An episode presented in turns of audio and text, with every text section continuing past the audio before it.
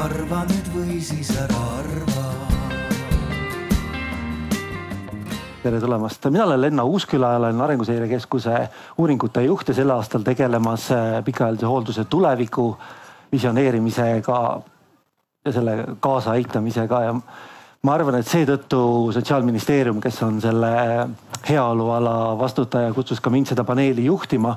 ja see on siis minu ülesanne täna natukene küsimusi esitada ja olla ebamugav või, või siis mugav Eh, igatahes mul on eh, suur aitäh eh, edasi öelda enda poolt sotsiaalministeeriumile, et te sellise teema üles tõstsite.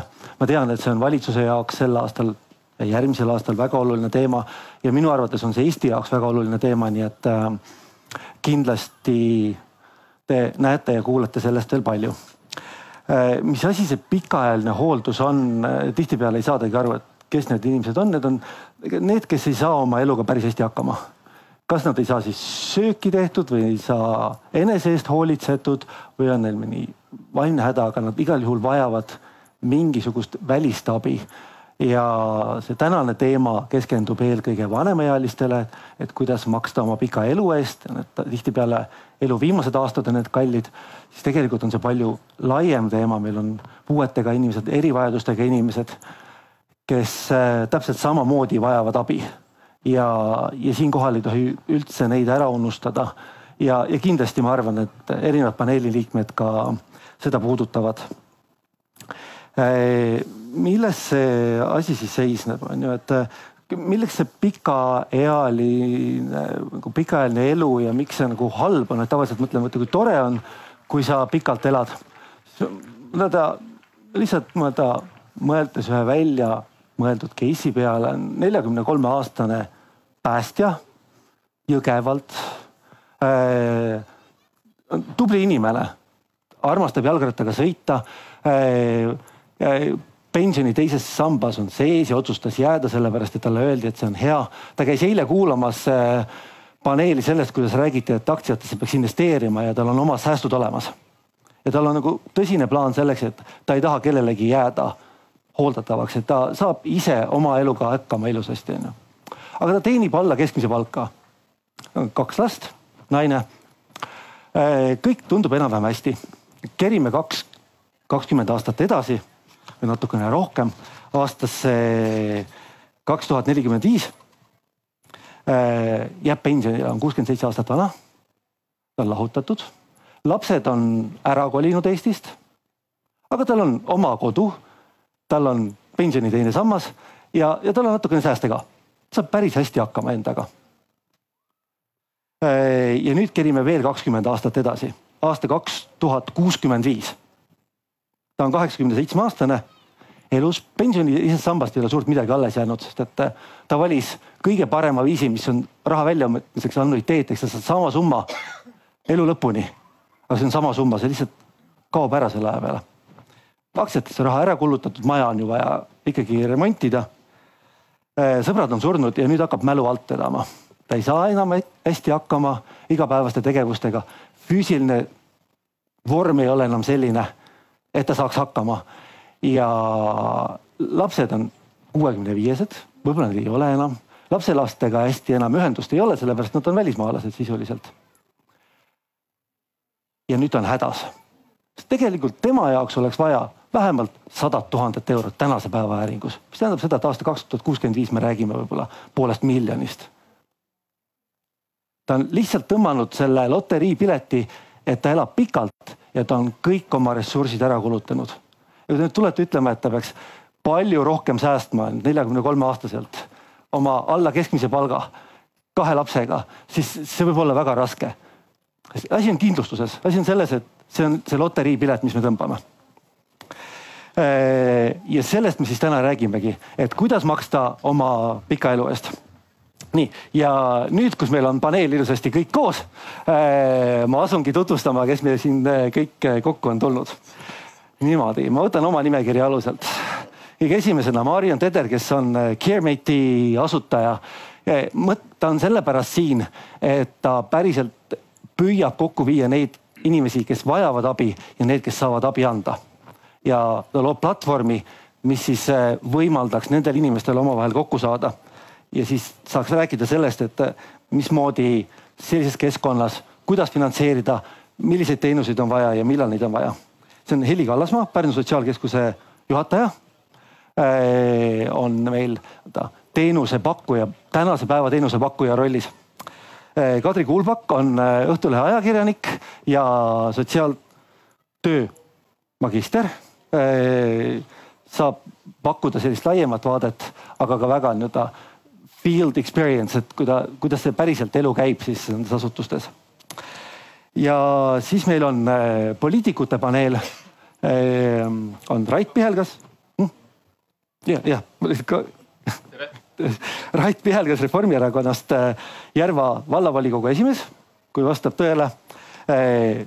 kuna hooldus on äh, KOV-i teema praegu, see on väga tähtis, siis meil on äh, Helmen Kütt, endine sotsiaalminister Äh, Sotsiaaldemokraatlikust erakonnast hm?. sotsiaalkaitseminister, vabandust, jah.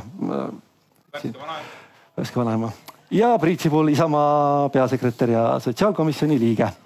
niimoodi ja Kristina Kallas, vabandust äh, Eesti kakssada esimees, näitamaks seda, et kui oluline tegelikult see teema on ja kui, kui suuri otsuseid on vaja, et siin on vaja erakondade üleseid otsuseid, mis päriselt hakkavad seda maailma muutma ma räägin ära selle, kuidas me räägime. kuna mina olen äh, Arenguseire Keskuses, siis ma tahan kaugele tulevikku vaadata ja see annab võimaluse mõelda julgeid mõtteid. ja see sissejuhatus oli selleks, et näidata, kui oluline on teha neid otsuseid kauge tuleviku jaoks. kaks tuhat kuuskümmend viis on aasta, millest enam ei mõtle. tegelikult on see aeg, millal on tänased otsused hakkavad mõju omama. Äh, nii et ma lähen selle paneeli puhul edasi tulevikuuuringute standardse lähenemisega, seitse küsimust, kus siis räägiks sellest, milline on ideaalne maailm, milline on ebasoovitav maailm, mis on tingimused, mis selle soovitava maailma jaoks on vajalikud, millised on need otsused ja mida siis inimesed päriselt teha võiks. ja kus need küsimused on, sest ega pikaajalise hoolduse rahastusest väga palju ikkagi Eestis ei tea praegusel hetkel. aga et mitte liiga ja siis äh, reeglid on see, et äh, nagu näete, mina räägin väga palju, aga ma püüan nüüd äh, vait jääda. ma tahan teilt saada emotsioone, te raputaksite pead, noogutaksite, ütleksite äh, sõna sekka. ma annan sõna ja ma võtan sõna. ma tahan natukene kiiremaks teha, siis ärge isiklikult võtke, kui ma ütlen, et aitab küll, lähme edasi. Äh, teema on suur ja lai. ja ma väga loodan, et publikust on ka küsimusi ja reaktsioone. ja selleks, et sooja sisse saaks, tõstke käsi püsti, kel, kes tunneb kedagi kes äh, hooldab kedagi, kellel on mõni sugulane, lähedane, kellel on äh, abi vaja olnud, üks-kaks, ta-ta-ta-ta järjest. enam, enamus on, tähendab seda, et ja kui paljud nendest praegu ise hooldab kedagi, aitab kedagi, tõstke kätest. ja, ja neid käsisid tõuseb, Eestis on rohkem kui sada tuhat inimest, kes igapäevaselt ikkagi aitab kedagi. Neid on päriselt palju inimesi niimoodi, aga äh, nüüd ma annakski panelistidele sõna ja soojenduseks, enne kui sinna futuristlikustesse küsimustesse minna äh,, tahaks teilt teada, et äh, mis on teie jaoks kõige olulisemad võtmeküsimused praegu pikaajalise hoolduse valdkonnas? mis on need teemad, mis tasuks lauale tõsta, enne kui me hakkame sellest rahastuse poolest rääkima, et kes siis maksab? mille jaoks meil seda raha vaja on? kes on julge alustama?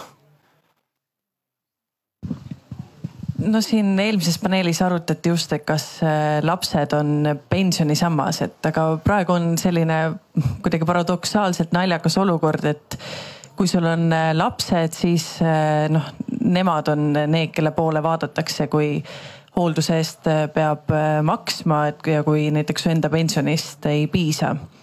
Et noh, ma arvan, et see ikkagi see suur küsimus on jah see, et kuidas rahastada hooldusteenuseid nii et ka inimesele jääks äh, midagigi alles sellest enda pensionist. et see on see suur küsimus ja tere kõigile, et ähm, nii nagu siin oli ka näha, käed tõusid. ainult üks hetk ja meist võib saada kas hooldaja või hooldust vajav inimene, see on ainult üks hetk ja täna tegelikult nii nagu juba Kadri ka ütles, ähm, see hooldus on suhteliselt ebavõrdselt jaotunud nii rahaliselt, aga ka moraalse vastutuse osas. see tähendab seda, et need inimesed, kellel on lapsed, nendel lastel ja ka lastelastel, sest see on kaks põlve, on kohustus ja siin ma pean silmas eelkõige rahalist kohustust, ega siis teistes riikides, kus see on riigi ja omavalitsuse kohustus, ega seal lapsed oma vanemaid vähem ei armasta. et minu meelest me peaksime kokku leppima, sest me mõlemad kuulasime eelmist paneeli ja see eelmine paneel oli teate nii positiivne. seal räägiti investeerimisest ja sellest, et pension on vaid number ja kõik saame hakkama. aga tegelikult mitte kõik inimesed ei lahku elust tennisereket käes ja uisud jalas. mõned vajavad hoolekannet, mõned vajavad selleks abi, et tulevikus hakkama saada. Et kui sul on pension ja sa elad veel kahekesi, kaks pensionäri, siis saabki hakkama, aga sellest hetkest, kui hooldusvajadus läheb suureks ja lisanduvad näiteks tervisega seosnevad lisakulud, siis jääb väheks. ja siin oleks vaja nagu kokku leppida, kuidas see asi edasi läheb, aitäh ja ma üritan ka siis juurde lisada, aga ma arvan, üks, üks põhiküsimus on see, et, et nii-öelda teenuste kättesaadavus ja, ja see, et mis kvaliteediga teenused on. Et, et kindlasti rahaline pool on see, et ta pole kõigile pole sotsiaalteenuse, see pikaajaline hooldusteenus kättesaadav. ja teine, ma arvan, on ka see, et, et ta on väga erineva kvaliteediga, et neid valikuid tehakse selle järgi, et mis parasjagu siis äh, rahakoti järgi. ja, ja teine, kolmas aspekt on, ma arvan, see, et, et nii-öelda need inimesed, kes ise seda hooldusteenust pakuvad oma lähedastele esiteks nende teadmised, oskused, nende nii-öelda läbielamine või vaimse tervise küsimus ja hiljem ühiskondana nii-öelda tagasitulek, et tegelikult nad on ka ühiskonna mõttes meie jaoks kadunud. Ja kui me vaatame nii-öelda fiskaalpoliitiliselt, siis rahaliselt tegelikult on see kulu suurem, on ju. aga ma arvan, see, et üks argument on see, et see kättesaadavus tegelikult kõigile, et on oluline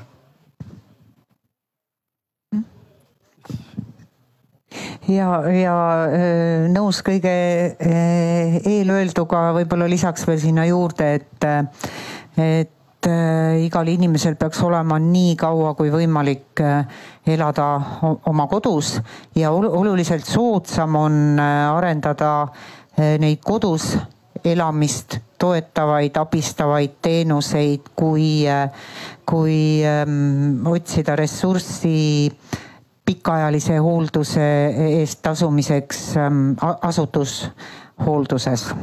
et äh, võib-olla sinna suunda vaadata, et äh, arendada pigem seda, mitte pigem, vaid arendada ka seda poolt nagu võrdselt äh, asutushooldusega. aitäh, Marjana ma lisaks enda poolt ka sellise mõtte, et äh, mis asi see hooldus üldse on ja kui palju ja kellele seda vaja on ja mis hetkest seda peaks tegelikult pakkuma, et kas on võimalik ka ennetusega tegeleda, et inimesi motiveerida rohkem äh, elust osa saama ja nende pere. et siinkohal tegeletakse tagajärgedega ja vaadatakse, kuidas siis raha kokku ajada, et mulle tundub, et hästi suur roll oleks see ennetuse pool. Äh ja väga hea, Marja, et sa selle ennetuse poole nagu välja tõid, sest mina tunnen ka, et me kohe kargasime lahendama tänast olukorda. ilma, et me suudaks võib-olla paar sammu tagasi võtta ja mõelda, et kuidas me oleme jõudnud sellisesse olukorda, et meil see probleem üldse tekkinud on, et kui me ei tea, miks ja kuidas see probleem tekkinud on, siis ma arvan, et me ei saa otsida ka nagu pikemaajaliselt toimivaid lahendusi. Ja ma nüüd proovin äkki selle lahti sõnastada, ma ei, ma ei ole kindlasti selles valdkonnas väga tugev ja ma ei tunne ennast väga tugevalt, aga poliitikuna ma saan aru, et mul peab olema arvamus igas asjas, et ma siis püüan selle nagu sõnastada, kuidas ma sellest aru saan. et ma saan aru, et see probleem on tekkinud äh, selle tulemusena, et meie meie pered on palju rohkem laiali, kui nad kunagi ajaloos olnud on ja ma ei pea silmas mitte siin seda, et igaüks on individualistlikuks muutunud, vaid inimeste eluteed viivadki geograafiliselt väga laia maailma laiali, eks ole. vanasti see, et mõni eestlane elas Austraalias, oli ikka väga erakordne, et enamus eestlasi elas Eestis ja seetõttu oli võimalik ka omastehooldust teha. täna on, eks ole, see, et geograafia on muutunud nii laiaks, et su pered on nagu väga suuresti laiali ja selle tulemus on siis see, et inimesed jäävad üksikuks, jäävad vanaduses äh, üksikuks ja siis tekib tekibki see ühiskondlik küsimus, et noh, kelle omad nad siis on, et kes peaks siis nagu nende eest vastutama. et minu arust me võiksime ka seda küsimust arutada kõigepealt, et noh, kelle vastutus see üldse on, enne kui me kargame selle üle, et kas teenus on hea ja kui palju ta maksab ja nii edasi äh,. muuseas äh, täiesti juhuslikult sattusin vaatama äh, Rootsis tehtud dokumentaalfilmi, mille nimi on Swedish Theory of Love ehk siis Rootsi armastusteooria, mis just räägibki sellest, et kuhu heaoluühiskond on tänaseks jõudnud, kus inimene suure tõenäosusega surebki üksi ja surebki üksi ja sul on väga suur riiklik asutus äh, Stockholmi kesklinnas, mille ülesanne on üksi surevate inimeste nii-öelda vara ja muude asjade ja probleemide lahendamisega tegeleda. ja selle ametnike arv pidevalt kasvab, sest inimeste arv, kes kogu aeg üksi surevad, lihtsalt pidevalt suureneb. ja see põhjus on see, et lastelt on justkui nagu võetud ära totaalselt see kohustus ja vastutus oma vanemate eest hoolitseda, mille tulemusena on olemas kuskil abstraktne riik, kes peaks seda siis tegema, eks ole. et noh, mina arvan, et me võiksime seda arutada enne veel, enne kui me kargame selle juurde, et palju see maksab ja kuidas see peaks korraldatud olema. ma toon teile seda oma perest äh, näite, et kui siin oli juttu sellest, et lapsed on meie pensionikindlustus. minul on kolm last ja ma kindlasti ei ole neid lapsi siia ilma sünnitanud, arvates, et nad on minu pensionikindlustus, et see ei ole olnud nagu see põhjus aga äh, naljaga pooleks, kui mul tütar tuleb iga kord mu abikaasa käest küsima, et äh, isa, issi anna viis eurot et mis ma tahan, ma ei tea, jäätist osta või sõbrannaga minna kohvikusse, et siis isa ütleb, et okei okay,, et siin on viis eurot, aga see on kaks korda minu mähkmete vahetamise raha. et pane see siis kirja, et sa pead siis tulevikus selle eest minul kaks korda mähkmeid vahetama. et noh, see on, see on naljaga pooleks, aga ma arvan, et see on selline äh, noh arusaamine, et tegelikult mina isiklikult siinkohal ikkagi leian ka, et lastel on mingil määral kohustus oma vanemate eest hoolitseda. ma ei arva, et nad peaksid oma elu selle mõttes seisma panema, aga see vastutus selle eest, et sa pead leidma lahenduse sellele. kui sul on ema või isa äh, vajab sinu tuge, noh, see on ikkagi, ei saa seda absoluutselt ära võtta, sest siis me läheme vales suunas. aitäh, ma selle juurde tahan kindlasti tagasi tulla mm. -hmm sa küsisid, mis on äh, selle teema juures kõige olulisem, et minu meelest on seesama kuvand või arusaam, et mis, mis asi see on, millest me räägime, et minu praegu kaheteistaastane poeg, ma arvan, see oli kuskil viis-kuus aastat tagasi ütles äh, mulle, et isa, ole rahulik, ma valin sulle hea hooldekodu ma ütlesin ka, et võib-olla siis kauem ei sõida, et käime kuskilt lastekodust läbi, et mis me siis ikka nii-öelda pikalt peatume, et siis on nagu see institutsionaalsed kohustused nagu jaotatud on ju, aga see, et, et lapsel oli kuskilt tekkinud arusaam, järelikult see on, ma ei tea, kuskilt kuvandist, inimeste juttudest, et hooldekodu on mingi koht, kuhu vanad inimesed igatsevad, on minu meelest nagu kõike muud kui äh, tõsi on ju.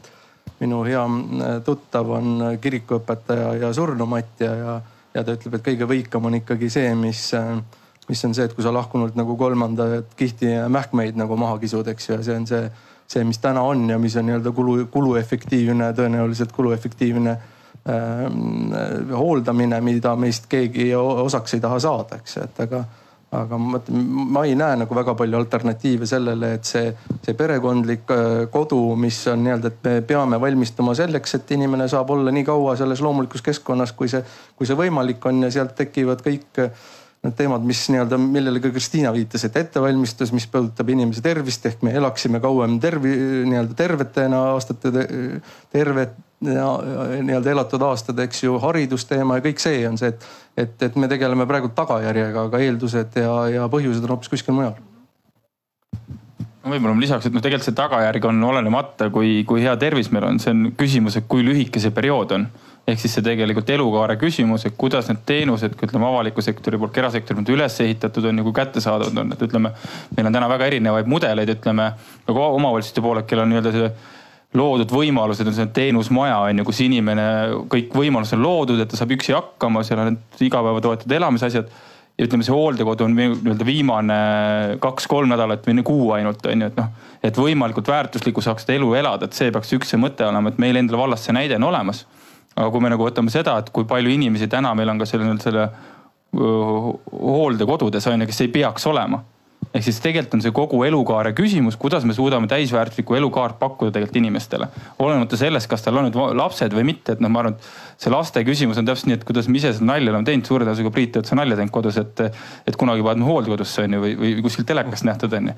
aga noh, et, et see peaks olema ka nii, et see nagu jagatud vastutus, et sa ei saa nagu minna ka ainult selle vana peremudeli peale, noh ja kui nalja teha, et, et noh, et geograafiliselt oleme jaotunud, et ega siis paneme piirid kinni, oleme kõik kodus ja kõik on õnnelikud, et noh, see ka ei toimi, et aga küsimus on kogu nagu see väärt-, kogu ahela küsimus ilmselgelt äh, me no, tööturus kogu aeg räägime sellest, et äh, tööturg peab olema paindlik ja inimene peab minema elama sinna, kus tal töökoht on. mis tähendab seda, et ta läheb sellest kohast ära, kus tal vanemad on ja need geograafilised vahemaad lähevad suureks. nii et me lahendame ühe probleemi ära, aga teise tekitame. teine on see, et need inimesed, kes jäävad oma vanemaid hooldama, need tihtipeale vajavad ise abi nad ei saa hakkama sellega üksinda, neil ei ole oskuseid, neil ei ole võimalust ja kui nad on veel natukene noored, siis nad panevad oma töökarjääri ja tulevase pensioni tuksi sinna. kuna need inimesed me lõikame ühiskonnast välja. et äh, seal on ja siis see elukaare mõte mulle väga, et kui me räägime elundidoonoritest, siis see on nagu teema, aga seda passi, et äh, ärge mind elustage kui ma olen selles vanuses ja mul on need hädad, siis äh, lõpetage ära, et mul ei ole raha maksta selle eest. Ma ei taha. see võiks olla ka inimese valik öelda, et ma ei taha elada selle hetkeni, kus on, kus mul ei ole enam mõistust selleks, et aru saada, et ma elan. sul oli, tahtsid midagi kommenteerida, ma annan sulle kohe mikrofoni, see on üks ilma selle ja ma selle natukene selle eelmise ringi juures tahaks äh, öelda äh, ühe mõtte, et et mis probleemi me lahendame, et äh, ja, ja kelle vastutus siis on minu või, või kõikide meie vanemaealiste eest hoolitseda, kui seda hoolt vaja on.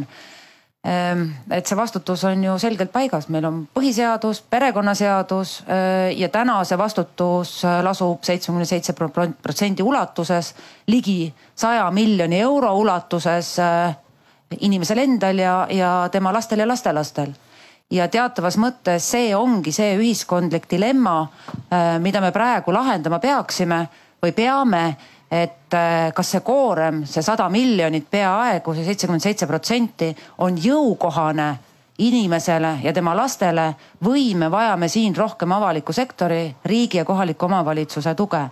et äh, mina näen siin küll selle null koma viie skp juures, mida me sotsiaalsektorisse äh, paneme ikkagi seda probleemi kohta, et, et me avaliku sektorina panustame liig vähe. Et äh, vähemalt neljakordne peaks see skp panus olema pikaajalisse hooldusesse, siis me võiksime olla nagu sellises kohas, mida me rahuldavaks saame nimetada. et see on see murekoht aga sa tõid äh, hoopis uued teemad lauda, ma neid laseksin ikka panelistidel kõigepealt kommenteerida ja need on äh, väga rasked ja keerulised teemad.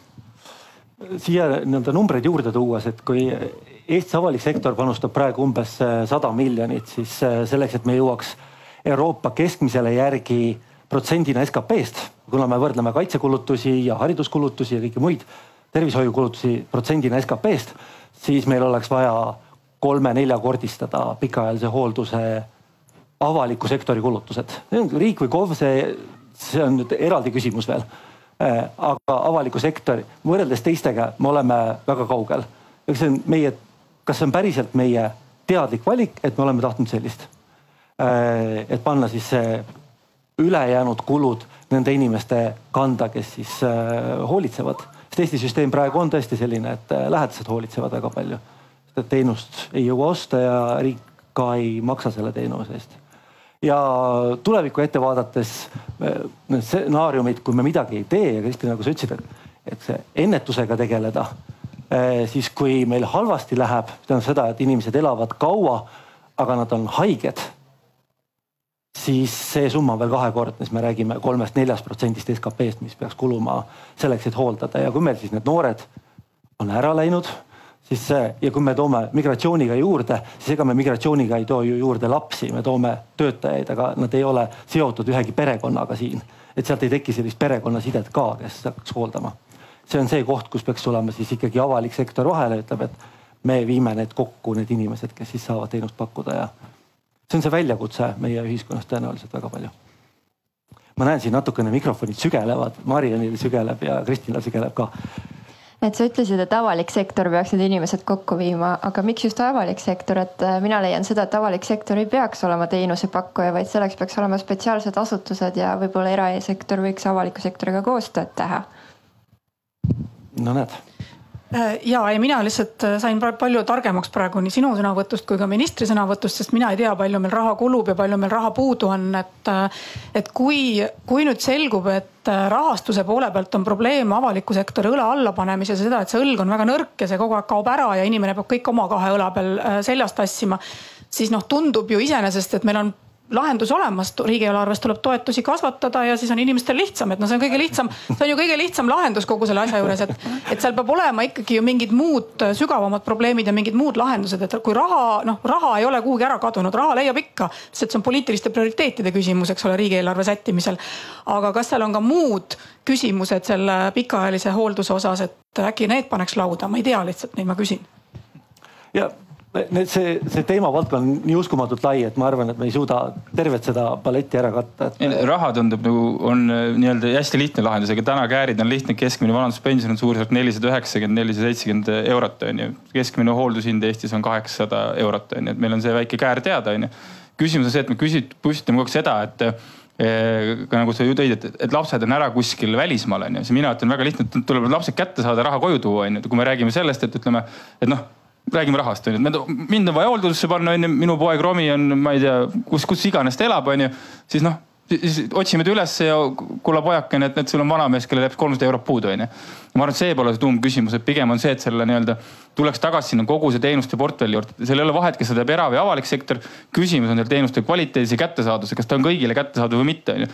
täna ta on nii, kus me tegelikult äh, ütleme, et on omakseste kohustus, aga nad äh, väljuvad tänu sellele nii-öelda ka tööturult, onju ja omaette tulevad uuesti, nüüd kordan ennast uuesti, järgmised probleemid nendega, kui ta tööturul ei ole, tal tekib iseenese raskusi, kuidas ta siseneb, tekivad võib-olla terviseprobleemid, ta on tegelikult meile rahaliselt on see kulukam lahendus täna. ja täna tuleb siis mõelda, kas see nii-öelda lahendus, kus me ütleme, et lähedaste kohustus on ainult see, et, et kas seda ka vastutust jagada kas anda nii-öelda, ma ei ole ka seda poolt, et nüüd anname riigile, et riik on see abstraktne, kes kõike lahendab, onju. pigem peaksime mõtlema seda, kuidas seda vastutust jagada, et, et kes midagi teeb. ja teine, ma arvan, see teenuste miinimumportfelli kokkuleppimine. Et noh, meil on väga erinevaid hooldekodusid, mul endal on näide, kus meil on hooldekodu teisel korrusel piltlikult väga odav onju, tundub paberi peal kõik ilus onju, kui lähed sinna, no elu sees ei saa kedagi panna.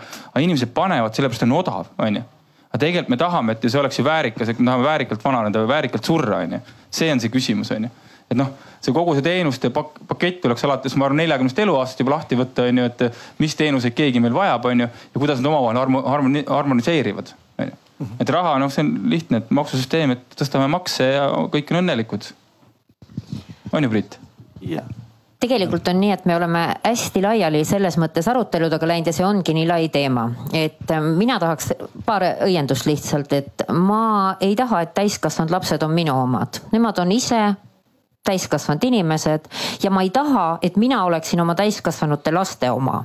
ma tahan ise otsustada, ma tahan olla otsuste juures kaasas ja ma tahan et minu sissetulek või siis ka see võimalus võimalikult kaua kodus elada tagavatakse mulle teatud teenustega, mida ma siis ostan. nüüd küsimus on selles, et ähm, kas täna sõltuvad need teenused sellest, millises omavalitsuses sa elad on kohti ja see ei ole alati, et suurtes on alati parem, on väikseid kohti, kus on teenuseid rohkem kui hoolekandeseaduses ette nähtud kolmteist. ja on kohti, kus neid ei ole isegi mitte seda kolmeteist ja sellest tulenevalt see elukohast äh, sõltuv teenuste saamine kui me ütleme, et toome need lapsed välismaalt tagasi. sõbrad, kui see omaste koormus jääb nii suureks, nagu ta on nüüd või veel suureneb, sest ega hea teenus maksabki palju ja ega hooldekodus hinnad ei lange, kui me tahame, et seal töötaksid haritud inimesed, head sotsiaaltöötajad, siis hinnad tõusevad, siis mina ütlen, et lapsed lähevad hoopis mujale riiki tööle, et jõuda maksta seda osalust oma vanemate eest see ei ole nii lihtne, et toome nad tagasi, nad hakkavad siin tööle kõige kurvem on see, kui omastehooldajaks ei hakata mitte selle tõttu, et tahetakse seda teha, vaid selle tõttu, et muud võimalust ei ole. ei ole seda puuduolevat raha, mida maksta siis kasvõi sinna hooldekodusse. ja need omastehooldajad, kes jäävad tööturult kõrvale, noored inimesed, haritud inimesed, õppinud inimesed. Eh, need tegelikult on riigi mõttes ka need maksumaksjad, kes jäävad koju ja tuleviku mõttes nad võivad ise läbi põleda ja nemad on järgmised väikese pensioni saajad. sest te teate, milline on hooldajate toetus omavalitsustes, see on ka väga erinev ja hooldajaid määratakse väga erinevalt. on omavalitsusi, kes ütleb, et ei määrata lapsi ja lapselapsi, sest perekonnaseadus paneb teile selle kohustuse. aga on neid, kes määravad, aga maksavad toetust nelikümmend, viiskümmend eurot, ei mitte päevas, vaid kuus. ja tõsi, nad maksavad ära haigekassa ja sotsiaalkindlustusmaksu ehk siis miinimum miinimum või väikese pensioni saamiseks on see olemas, et see on niivõrd keeruline probleem. aga mulle ei meeldi seda, et kui kasutatakse väljendit, eriti eakate suhtes, et noh, viidi hooldekodusse, ma saan aru füüsilist viimist, aga ta peab sinna ise olema nõus minema või temaga tuleb sellest rääkida või ta võimalikult palju saaks kodus hakkama. ja see on see probleem, et täna ei ole igal pool neid teenuseid, et see on tema otsus, langetatud otsus, kui ta ei ole teovõimetu tänasel päeval Eestis seitsmekümne üheksa omavalitsusega ongi niimoodi, et see on veel eraldi küsimus, et millises omavalitsuses sa juhtud elama, selle järgi sa saad teenuseid. ja see võib olla väga ebaühtlane ja kui mina alustasin selle teemaga Arenguseire Keskuses, mõtlesin, et olgu peale, et andke mulle tõenäosused, et milline on tõenäosus, et ma vajan kümme tuhat selle jaoks, milline on tõenäosus, ma vajan kolmsada tuhat oma elu lõpus. et, et kui me e-, elu ea kohta me teame, et kui pikalt ma võin elada ja kui suur on see summa, siis me hoolduse jaoks tegelikult ei tea. mina arvan, et mina ei taha, et mu lapsed hooldaksid mind, ma tunneks ennast ebamugavalt. aga, aga see on, see on minu, ma näen, et inimesed on erinevad Äh, selles osas ja ma arvan, see on okei okay., see on, äh, inimesed ongi erinevad. ma tahaks teada, milline on tõenäosus, et ma vajan seda ja ma tahaks osta kindlustuse selle jaoks, sellepärast et äh, võib-olla on seda, aga võib-olla ei ole vaja. ja see on see koht, kus ma, mis teeb selle keeruliseks, et kui sa tead, et sul on vaja kümme tuhat, no ta nagu pensionäril on matuseraha tihtipeale olemas, ta teab seda, et tal on vaja äh, hauda minna, aga seda kas sul on hooldust vaja, sa ei tea. Ja sa ei tea, mis summasid. Ja neid lihtsalt ei ole võimalik kuskilt isegi lugeda, isegi siis, kui sa oled kolm kuud tudeerinud aga ma ei tea, kas see teadmine aitab, et selles mõttes me, me järjest rohkem nii-öelda meditsiin areneb ja toimetab ja see, mis geeniuuringutega tehakse, kus inimesed saavad teada, millised tõenäosused on, aga noh, minu meelest seesama küsimus, mida me siin arutasime, et, et me tegelikult oleme liiga vaesed, et, et ma ei tea, kas see teadmine annab mulle nagu väga palju juurde, et kui ma tean, et mul on elu lõpus vaja, ma ei tea, sada tuhat või kolmsada tuhat, noh enamus meist ei suuda seda niikuinii teenida, et kuhu ma selle teadmisega lähen, et, et see, et kas, et paneme avalikku sektorit, see on nagu huvitav, et me räägime siin avalikku sektorit võiks rohkem panustada see on, see on ju, kus avalik sektor on, see tuleb meie taskust, eks ju.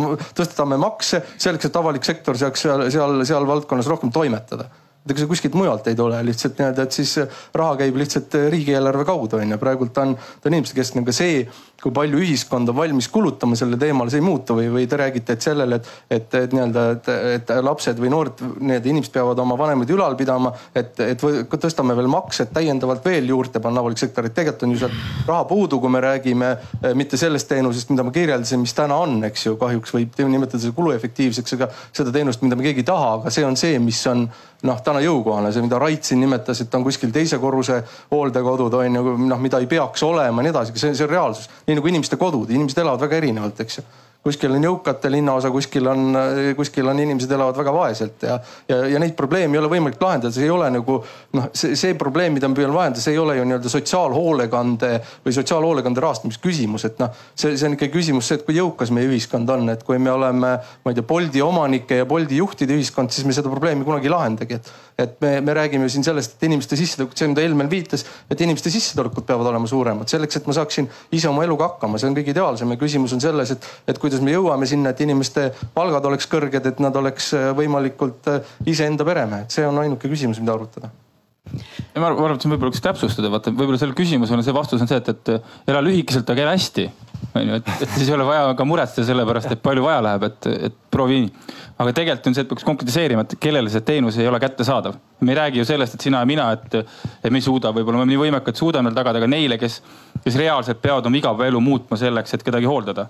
et, ne, et nemad oleks ikkagi tööturul edasi, et me räägime mingist kitsast ühiskonnagrupist, et kellelgi ta pole reaalselt kättesaadav, see teenus kuidas neid aidata, ma arvan, see on see küsimus, et mitte nagu me tahame lahendada nagu ühte suurt küsimust, et mis siis saab, kui me kõik vajame üks hetk kakskümmend neli seitse hooldust onju. pigem räägime sellest, et kes ei saa endale lubada seda ja kes peavad sellepärast oma elu väga tugevalt muutma. kuidas me neid saame avaliku sektori nagu aidata kõiki me ei pea selles osas aitama, et ja küsimus, ütleme seda lõpphoolduse küsimust on, see on nagu üks osa sellest ainult. aga pigem on see, et kellele need teenused jäävad kättesaamatuks, kuidas me neid aitame tegelikult ma, ma äh, siia lisaks, et ma, mul on kümneaastane sotsiaalhoolekande kogemus ja, ja just see kogemus, mis puudutab nüüd enne hooldekodusse minekut. Ja ma olen selle ajastu, aja jooksul näinud hästi paljusid inimesi, kes on jäänud omakseid hooldama.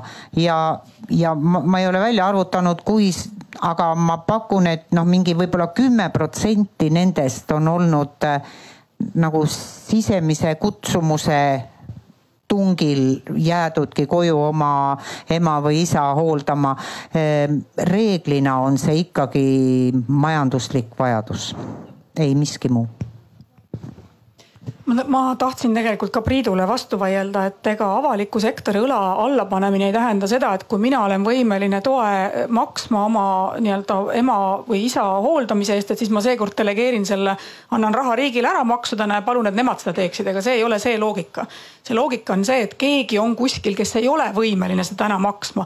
Ja mina olen nõus maksma täna seda maksu selleks, et riik jagaks ümber, no see on väga selge ümberjagamine sinna, kus see raha vaja on ja, ja, ja mujalt seda raha võtta, ma saan aru, et sulle, koer on nõus minuga, et. Äh, minu meelest ta vaidleb vastu sulle. et, äh, et see, mis meil täna Eesti riigis ikkagi puudu on, on see, see sotsiaalne selline tugi äh, või solidaarsus solidaarsus, ühiskondlik solidaarsus nendega, kes täna abi vajavad selle omastehooldusel ja seda on vähe.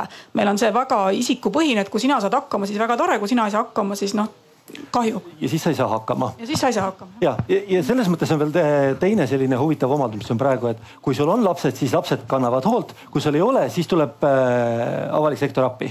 mis tähendab seda, et lapsed kannavad enda vanemate eest hoolt ja kannavad ka ülejäänute eest hoolt. et selles mõttes äh, on see natukene nagu ebaõiglaselt jaotunud, et miks siis need, kes mina lapsena ei ole valinud seda, et ma olen laps aga, aga mina miskipärast pean nagu topelt. ja, ja just nagu. ja see on ju kasvav äh, nii-öelda sellest, kui me demograafiat vaatame ja nii edasi. ja, ja tulevikku vaadates on see tõsiselt kasvav küsimus. kuidas me siis äh, läheme sinnapoole, et ei oleks niimoodi, et osa elanikkonnast kannab teiste kulusid ja see on nüüd see koht, kus nii-öelda sujuvalt sellest esimesest küsimusest, et mis on need põhiküsimused äh, pikaajalise hoolduse rahastus, minu arust me käisime päris ilusti üle. ma läheks nüüd edasi selle teise küsimuse juurde, et milline on ideaalne maailm? milli-, millist te tahaksite? kuidas see välja näeks?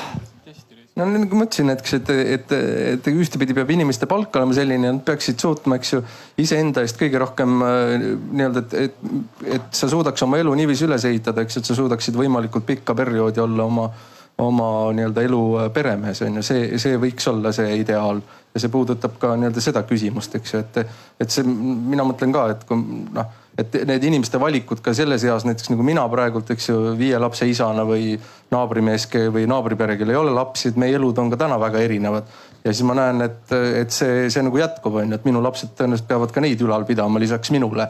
et selles mõttes ma ei pea seda mõistlikuks ja ma arvan, et see eh, personaliseerimine siin on mõistlik. aga selle esimene eeldus on loomulikult see, et, et noh, nagu ma ütlesin, et see ühiskond, kus jõukusest äh, saadakse, saadakse rohkem osa, et meil ei ole ainult Bolti juhtide ja Bolti omanike ühiskond, vaid see, et, et meil on äh, palju rohkem neid töökohti, kus on võimalik ära elada igal eluperioodil normaalselt, et see on, on see lahendus, millele ühiskonnas on vaja vastust. kas see on siis, igaühel on oma kolmsada tuhat säästu spetsiaalselt pikaajalise hoolduse jaoks? ma, ma ei, ma ei, ma ei ole kindel selles, et see on nagu see imede lahendus et eh, noh, selles mõttes, mis see tähendab, kolmsada tuhat säästu? ja spetsiaalselt selle jaoks, et kui sa saad selle halva loteriipileti, et sa oledki kümme aastat vaimse hädaga asutuses? no ma arvan, et see peab, see peab olema see, mida ma enne ütlesin, et, et kui me selle peale mõtleme, siis me saame aru, mis asi see on, eks, see hooldekodu ja nii edasi, et selles mõttes inimene eh, peab eh, mõtlema selle võimaluse, sest ma, ma, ma ei kujuta nii-öelda seda ideaalset ette nii-öelda seda ideaali ette, et on, on kuskil mingi, kus me oleme nii jõukad, et me suudame seda, seda perioodi, mida me siin praegu kirjeldame nagu, nagu ma ei tea, ilusa ja õitsvana näha, ma ei suuda ette kujutada, et me oleme nii jõukas ühiskond ma võin? et äh, kui rääkida ideaalmaailma ja tuleviku mõtetest, siis äh, ma arvan, et kaks asja, mis täna juba saaksid inimesed ja üldse ühiskonnas saaksime ära teha, üks on see, et hakata integreerima tervishoiu ja sotsiaalsektorit omavahel. Seetõttu, et me ju väga hästi teame ka, et olenevalt eluviisist ja tervisenäitajatest ja nüüd arenevast äh, geenitehnoloogiast tegelikult me saame ette juba ennustada tulevikus, et kui palju meil seda hooldust võiks vaja minna ja teiselt poolt on täna olemas erakindlustused ja, ja on olemas puude ja äh, riskantsete haiguste kindlustused, mida, mida pangad meile tihti ähm, soovitavad, aga teadlikkust, et miks neid kasutada ei ole. aga need inimesed siis, kes saaksid juba ette ennustada, et nad ju saaksid endale võimalused luua vastavalt oma võimekusele eraldi, et see peaks olema paindlikum. ma võtan kaks veel siit paneelist ja siis ma annan äh, veel sõna. nii et kindlustus, erakindlustus et paindlikum peaks olema ja integreeritum peaks olema siis äh, sotsiaalhoolekanne ja tervisesektoriga ja et siin äh, tõdeti justkui, et äh, kui probleem on selles, et avalik sektor liiga vähe praegu panustab, et noh, siis paneme aga raha juurde, jaotame kulusid teistmoodi. et jah, praegu siis riik panustab null koma neli protsenti SKP-st aastas pikaajalisse hooldusse. Euroopa keskmine oli vist seal üks koma viis või midagi sellist. et aga aga noh, minu küsimus siis ongi, et aga miks seda siis tehtud pole, et miks meil on see null koma neli protsenti, et kui see lahendus justkui nagu nii lihtne on, siis no et minu üks nagu no isiklik hüpotees on see, et lihtsalt see hooldusteema, pikaajaline hooldus ei ole, ta ei ole paratamatult kõige seksikam teema ja sellega ei taheta tegeleda mingid äh, haigused, äh, vanad inimesed. võib-olla on mõnel ka isiklik süümepiin, et ei ole liiga palju rääkinud vanavanematega või, või vanema, vanematega, et, et aga see kuidagi nagu noh nagu justkui on teada, et see on meie ühiskonnas äh, hästi suur probleem, mis inimesi nii isiklikult puudutab. meil on omastehooldajaid äh, tuhandeid, kes on tööturult eemal aga samas nagu ikka midagi ei tehta selles osas, kuigi noh, ma tean, et nüüd ka valitsuses on arutatud sellist varianti, et ühe osa võiks siis hooldekodu kohast näiteks siis maksta riik, ühe osa omavalitsus ja ühe osa inimene ise. et äh, noh, see tegelikult siis tähendab ju ka, et avaliku sektori kulutusi suurendatakse, et, et noh kui see justkui nii lihtne lahendus on, nagu siin on tõdetud, et siis miks seda tehtud pole? ei julgeta otsustada, väga lihtne.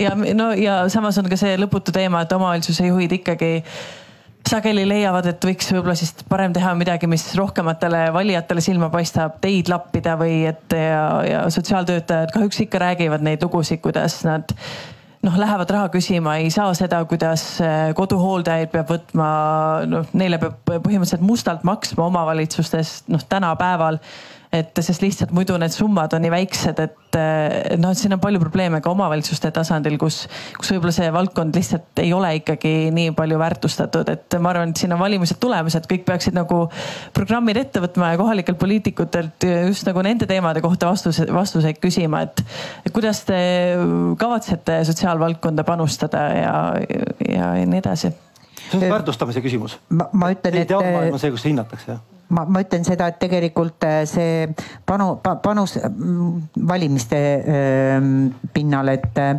tegelikult iga kord enne valimisi ikka räägitakse küll jah, aga lihtsalt kui valimised on läbi, siis äh, kuidagi kaob see asi ära. võib-olla ma vastan selles mõttes, mul on kohalik, kolmteist aastat kohaliku omavalitsuse juhtimise kogemust, et, et ma arvan, küsimus on selles, et äh, mis on need prioriteedid omavalitsuse juhi portfellis. vabandust, ma. ja, ja ma vastan ära. see, ma tahan praegu ideaalmaailma ainult. ma räägingi ideaalmaailma seda, et, et, et ideaalmaailm muutub kohalik tasand siia, et kui see top kolmes on, et kui me räägime ettevõtlus, haridus, sotsiaal et kui see sotsiaal on top kolmes, siis tegelikult need mured ka lahenevad, aga tegelikult üldjuhul nad ei ole, onju. et see on see, see võti, et juhtide mentaliteedi muutus on, onju. ideaalmaailma ma ütlesin sulle, et ela lühikeselt, aga ela hästi järgmine küsimus tuleb see, et eh, kuidas me jõuame sinna? no minu silmis idema, ideaalmaailm on ikkagi see, et, et mõtleme ka seda, et, et täna pensionil olevad inimesed kes juba on pensionil ja mõtlevad pikalt ette ka oma tuleviku peale, ega investeerimispankureid neist vaevalt et enam saab eelmises paneelis äh, väga ilusti just nimelt pankurid tõid siin välja selle, et, et tegelikult need inimesed, kes on eluaeg töötanud, ei tohiks jääda vaesusesse. see oli nagu see mõte, mis siit välja tõi, need inimesed on eluaeg töötanud, nüüd me peame mõtlema, kuidas nendega saaks aidata neid Need, kes kahekümne, kolmekümne aasta pärast lähevad pensionile, ma väidan, et need on natuke teistmoodi, need on selles mõttes nutikamad, nad on tehniliselt arvutite kasutuse osas, võib-olla nad on osanud ka investeerida. minu jaoks ideaalmaailm oleks ja võib-olla ma vaatan siin paneelist, no me vist oleme enam-vähem ühevanused, aga teised on kõik tunduvalt nooremad, et ma tahaks elada kaua kodus, ise hakkama saada absoluutselt kindlasti minu lapsed mind armastavad. ma vähemalt loodan, ma olen neid nii kasvatanud, mul on teatud ootused, aga ma ei oota mitte rahalist tuge. aga mida ma väga loodan, on see, et, et kohalikus omavalitsuses on mõeldud sellele, et et eh, kui mul on vaja sooja toitu koju ja minu lapsed elavad Tallinnas, Tartus või jumala eest kasvõi Soomes, siis ma seda saan endale võimaldada, osta see tuleb mulle koju, ühesõnaga kodus võimalikult kaua hakkama saada ja kui tõepoolest taevaisa annab sellise väga pika eluea ja ma ei saa enam kodus hakkama. no siis ma tahaks ka ise otsustamise juures olla, kuidas seal edasi siis saab ja, ja parimaid valikuid valida. aga üks, mis on kindel, on see, et ähm, inimeste enda osalus ja enda selline kasvõi kaasamõtlemine iga otsuse korral tuleb seda arvutada ja ärge arvake, et neid uuringuid sotsiaalministeeriumis on hunnikute viisi. mitte see, mida nüüd, ma väga vabandan, Lenno, kuna sina juhid seda, see on sinu laps ja sa väga armastad seda äh, uuringut ja seda, mida te esitate praegu nii Arenguseire Keskuse kui Praxise uuringu osas, siis äh, kaks tuhat seitseteist Maailmapanga analüüs, millele väga palju nendes uuringutes vihjatakse. tegelikult kõik teavad, kuidas on ja kui siin vihjatakse, et poliitikute peale jätame kohaliku omavalitsuse selles osas hetkel kõrvale, kuigi teenuseid peab pakkuma just tema ja mina olen ka kakskümmend aastat töötanud. aga ma tahan öelda seda, et need on kõik teada, aga koalitsioonilepingu sõlmimisel kuidagi see hoolekanne ja see pikaajaline hooldus langeb välja, et no loodame, et seekord läheb teisiti mul on lootust. meil on ikkagi neid valijaid vaja, siis nii-öelda see, see tähtsuse asi tundub väga. See ei ole valijate asi. see ei ole valijate asi, see on see asi, et poliitikas ei ole inimest, kellel on see südameteema, kes on läinud poliitikasse sellepärast, ainult sellepärast, et selle oma omastehoolduse teemaga tegeleda, see on see põhjus. et kui seal on lihtsalt karjääripoliitikud, kellel on vaja ühest ametist teise kulgeda, siis muidugi ta paneb programmi selle kirja, sest ta teab, et inimestele see meeldib, nad saavad sellest aru ja nad valivad tema poolt, aga see ei ole tema südameteema. ta ei ole poliitikas sellepärast, et see ära lahendada lahendada. ja meil on heas mõttes aktiviste vaja poliitikasse, selle ja, teema aktiviste. ja neid peaks rohkem olema seal saja ühes. kõik, kes sel, tegelikult selle teema eest südant valutavad, ärge jäätke, jääd, jääd, jääge lootma poliitikute peale, tulge ise poliitikasse seda tegema, siis see asi liigub. no siis on ikkagi. ja tulge Eesti kahesajast just. täiendav, see on väga-väga hea, et ma, ma ei ole nõus selle, selle nii-öelda selle, kuidas sa ütlesid, selle karjääripoliitikute kohta. ma arvan, seal üks on see, et mis on teostada, mis mitte, et seda ei saa nagu nii ühe hülbaga lüüa, et ma saan aru, see on teie erakonna mõte, onju tegelikult on väga palju asju, mida lihtsalt ei saa nii, nii teostada nii lihtsalt, kui te arvate.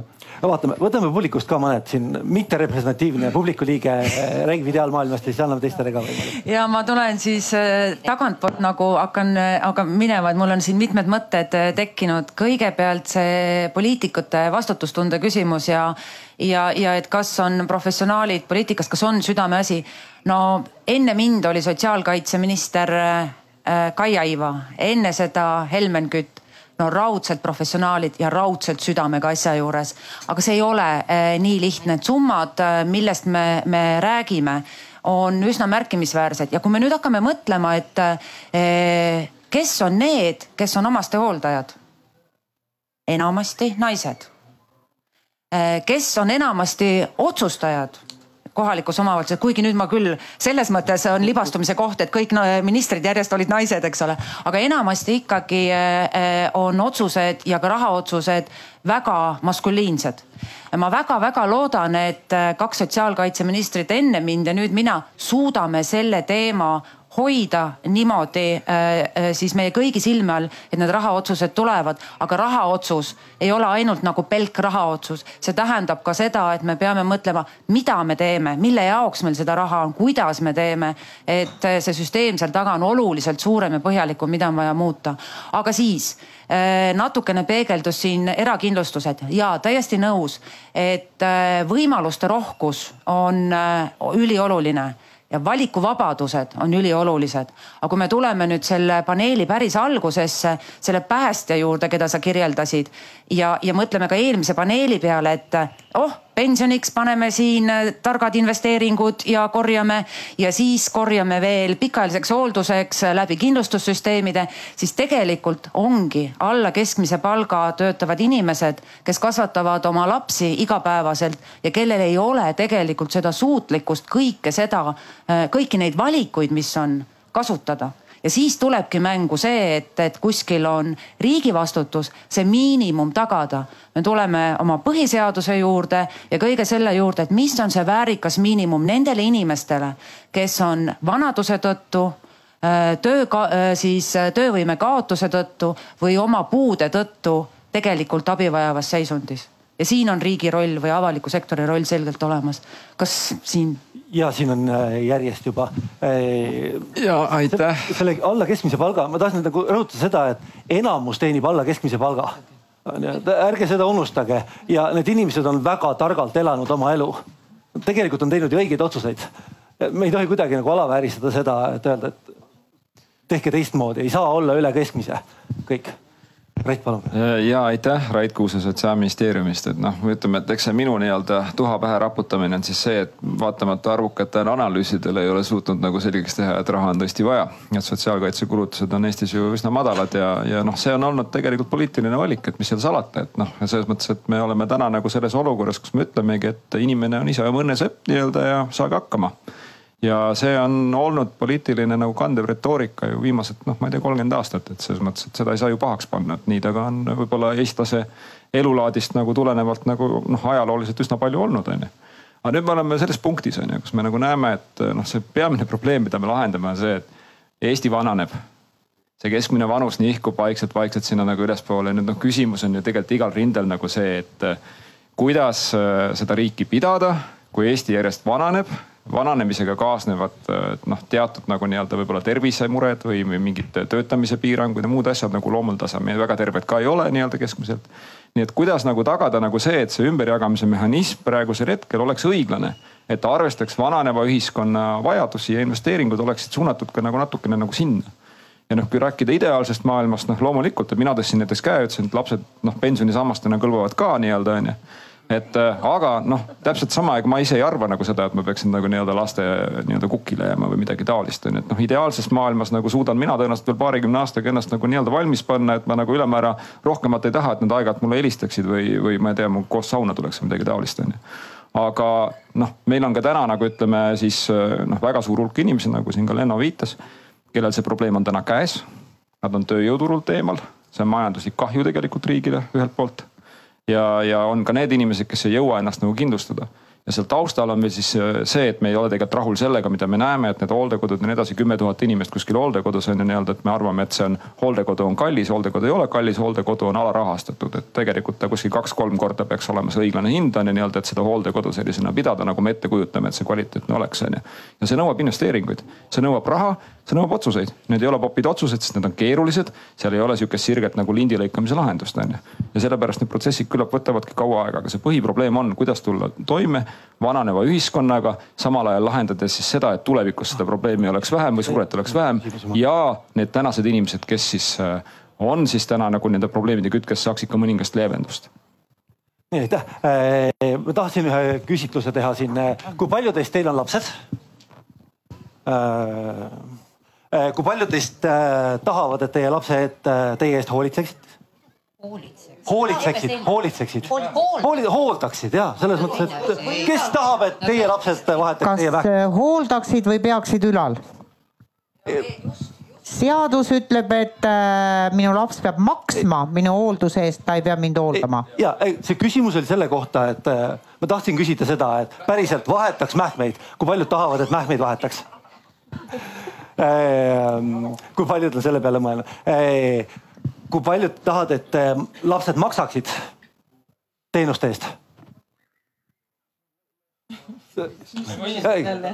ei, selles mõttes, et see on küsimus ma ei taha praegu taha lastel, praegu üks ootab nii-öelda siit on püksid. taha vahetada, kes see vahetab?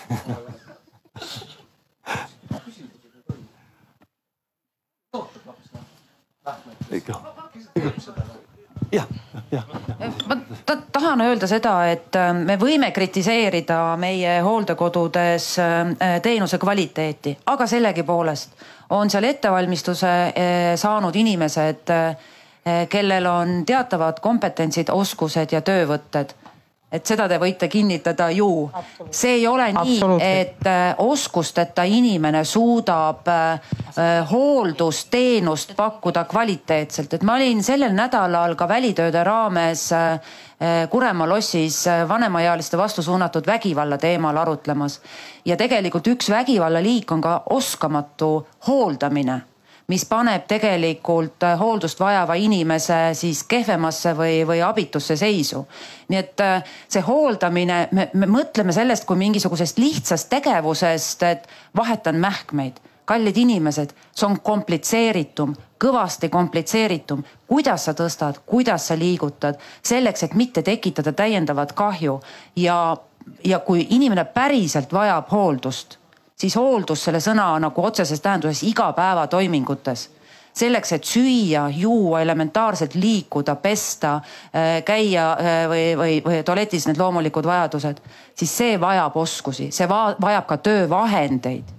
see ei ole niisama, et aitäh selle kommentaari eest, see kuidagi see mähkmevahetuse kuidagi sümbol kogu aeg on ja pisut nagu naeruvääristav, et tegelikult eh, jah, ma enda magistritöö, magistritöö tegin hooldekodu elanike autonoomias, nii et ma tegin hooldustööd ja intervjuusid kolmes erinevas hooldekodus, oli nii erahooldekodu kui ka kaks omavalitsuse hooldekodu ja, ja noh, see noh tegelikult äh, ei ole ka see probleemi juur konkreetselt need asutused ja noh, minu eelarvamus oli ka see, et noh, eriti veel, et mida suurem institutsioon, seda jubedam seal on, et seda suurem ja kohutavam nii-öelda vangla see on.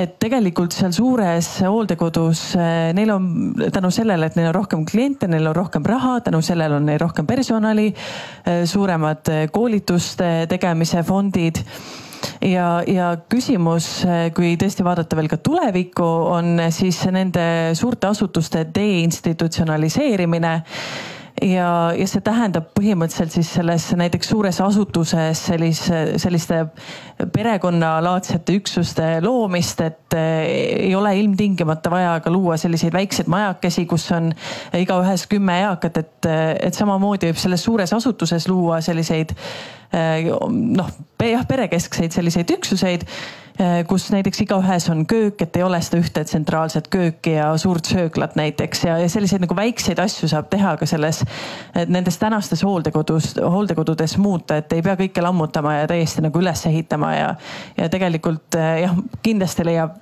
halbu näiteid ja, ja aga tegelikult noh ma ei tahaks ka nüüd jah, päris ülekohut teha neile, kes seda hooldustööd teevad igapäevaselt, et äh, nad on alarahastatud, nad on ületöötanud aga äh, noh, ma ei tea, kasvõi see minu kogemus nendes kolmes hooldekodus ähm, oli ikkagi pigem positiivne. lõpuks saab seal päris palju nalja, nagu ikka töös inimestega. ja jah, oli erinevaid töötajaid, aga, aga noh, üldjoontes ikkagi oli, oli kõik hästi, et et, et nagu noh, ma ei tea, ka Sotsiaalkindlustusamet on öelnud, et me ikkagi sellest nagu oleme edasi liikunud, et inimesi päris voodi külge ei seota, et nagu sellest on juba aru saadud, et nagu see ei ole okei okay on tunne, et sa oled vaikselt liikunud järgmise küsimuse juurde, mis on väga koleda maailma kirjeldamine, et mis siis saab, kui kõik valesti läheb. et, et selles mõttes, et nimekirjast, et mida saab nagu mõnes mõttes lihtsalt teha, aga mida me ei ole teinud. Mariann ootan pikalt ja siis on publikus veel. annan sõna veel ja et ma tahtsin Rait Kuusele vastu rääkida sellest, et äh, tegelikult äh, alati, kui ministeeriumid ja suured bürokraatilised asutused seda vaatavad, siis nad vaatavad ikkagi sellest, et kuidas probleemi lahendada, mis on juba tagajärgedega. aga tegelikkuses, äh, kui näiteks vaadata ka rahalises mudelis, siis inimesed tahavad elada võimalikult kaua oma kodus.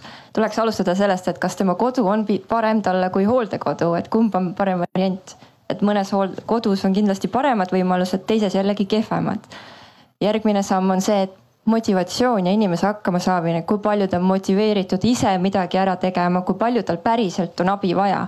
ja siis individuaalselt läheneda inimese keskselt sellele abivajadusele ja kogu perekonnale ja kõikidele nendele omaste hooldajatele seal ümber.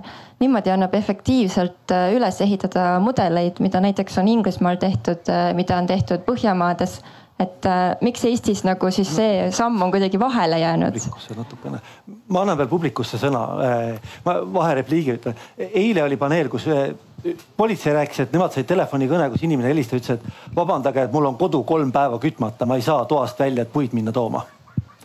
see on see, et, äh, see on see koht, kus inimene võib jääda väga raskelt haigeks, väga lihtsa probleemi tõttu. ja see on see koht, kus ennetamine, kus appi tuleks sellega, et inimene saaks oma eluga hakkama on, on vajalik.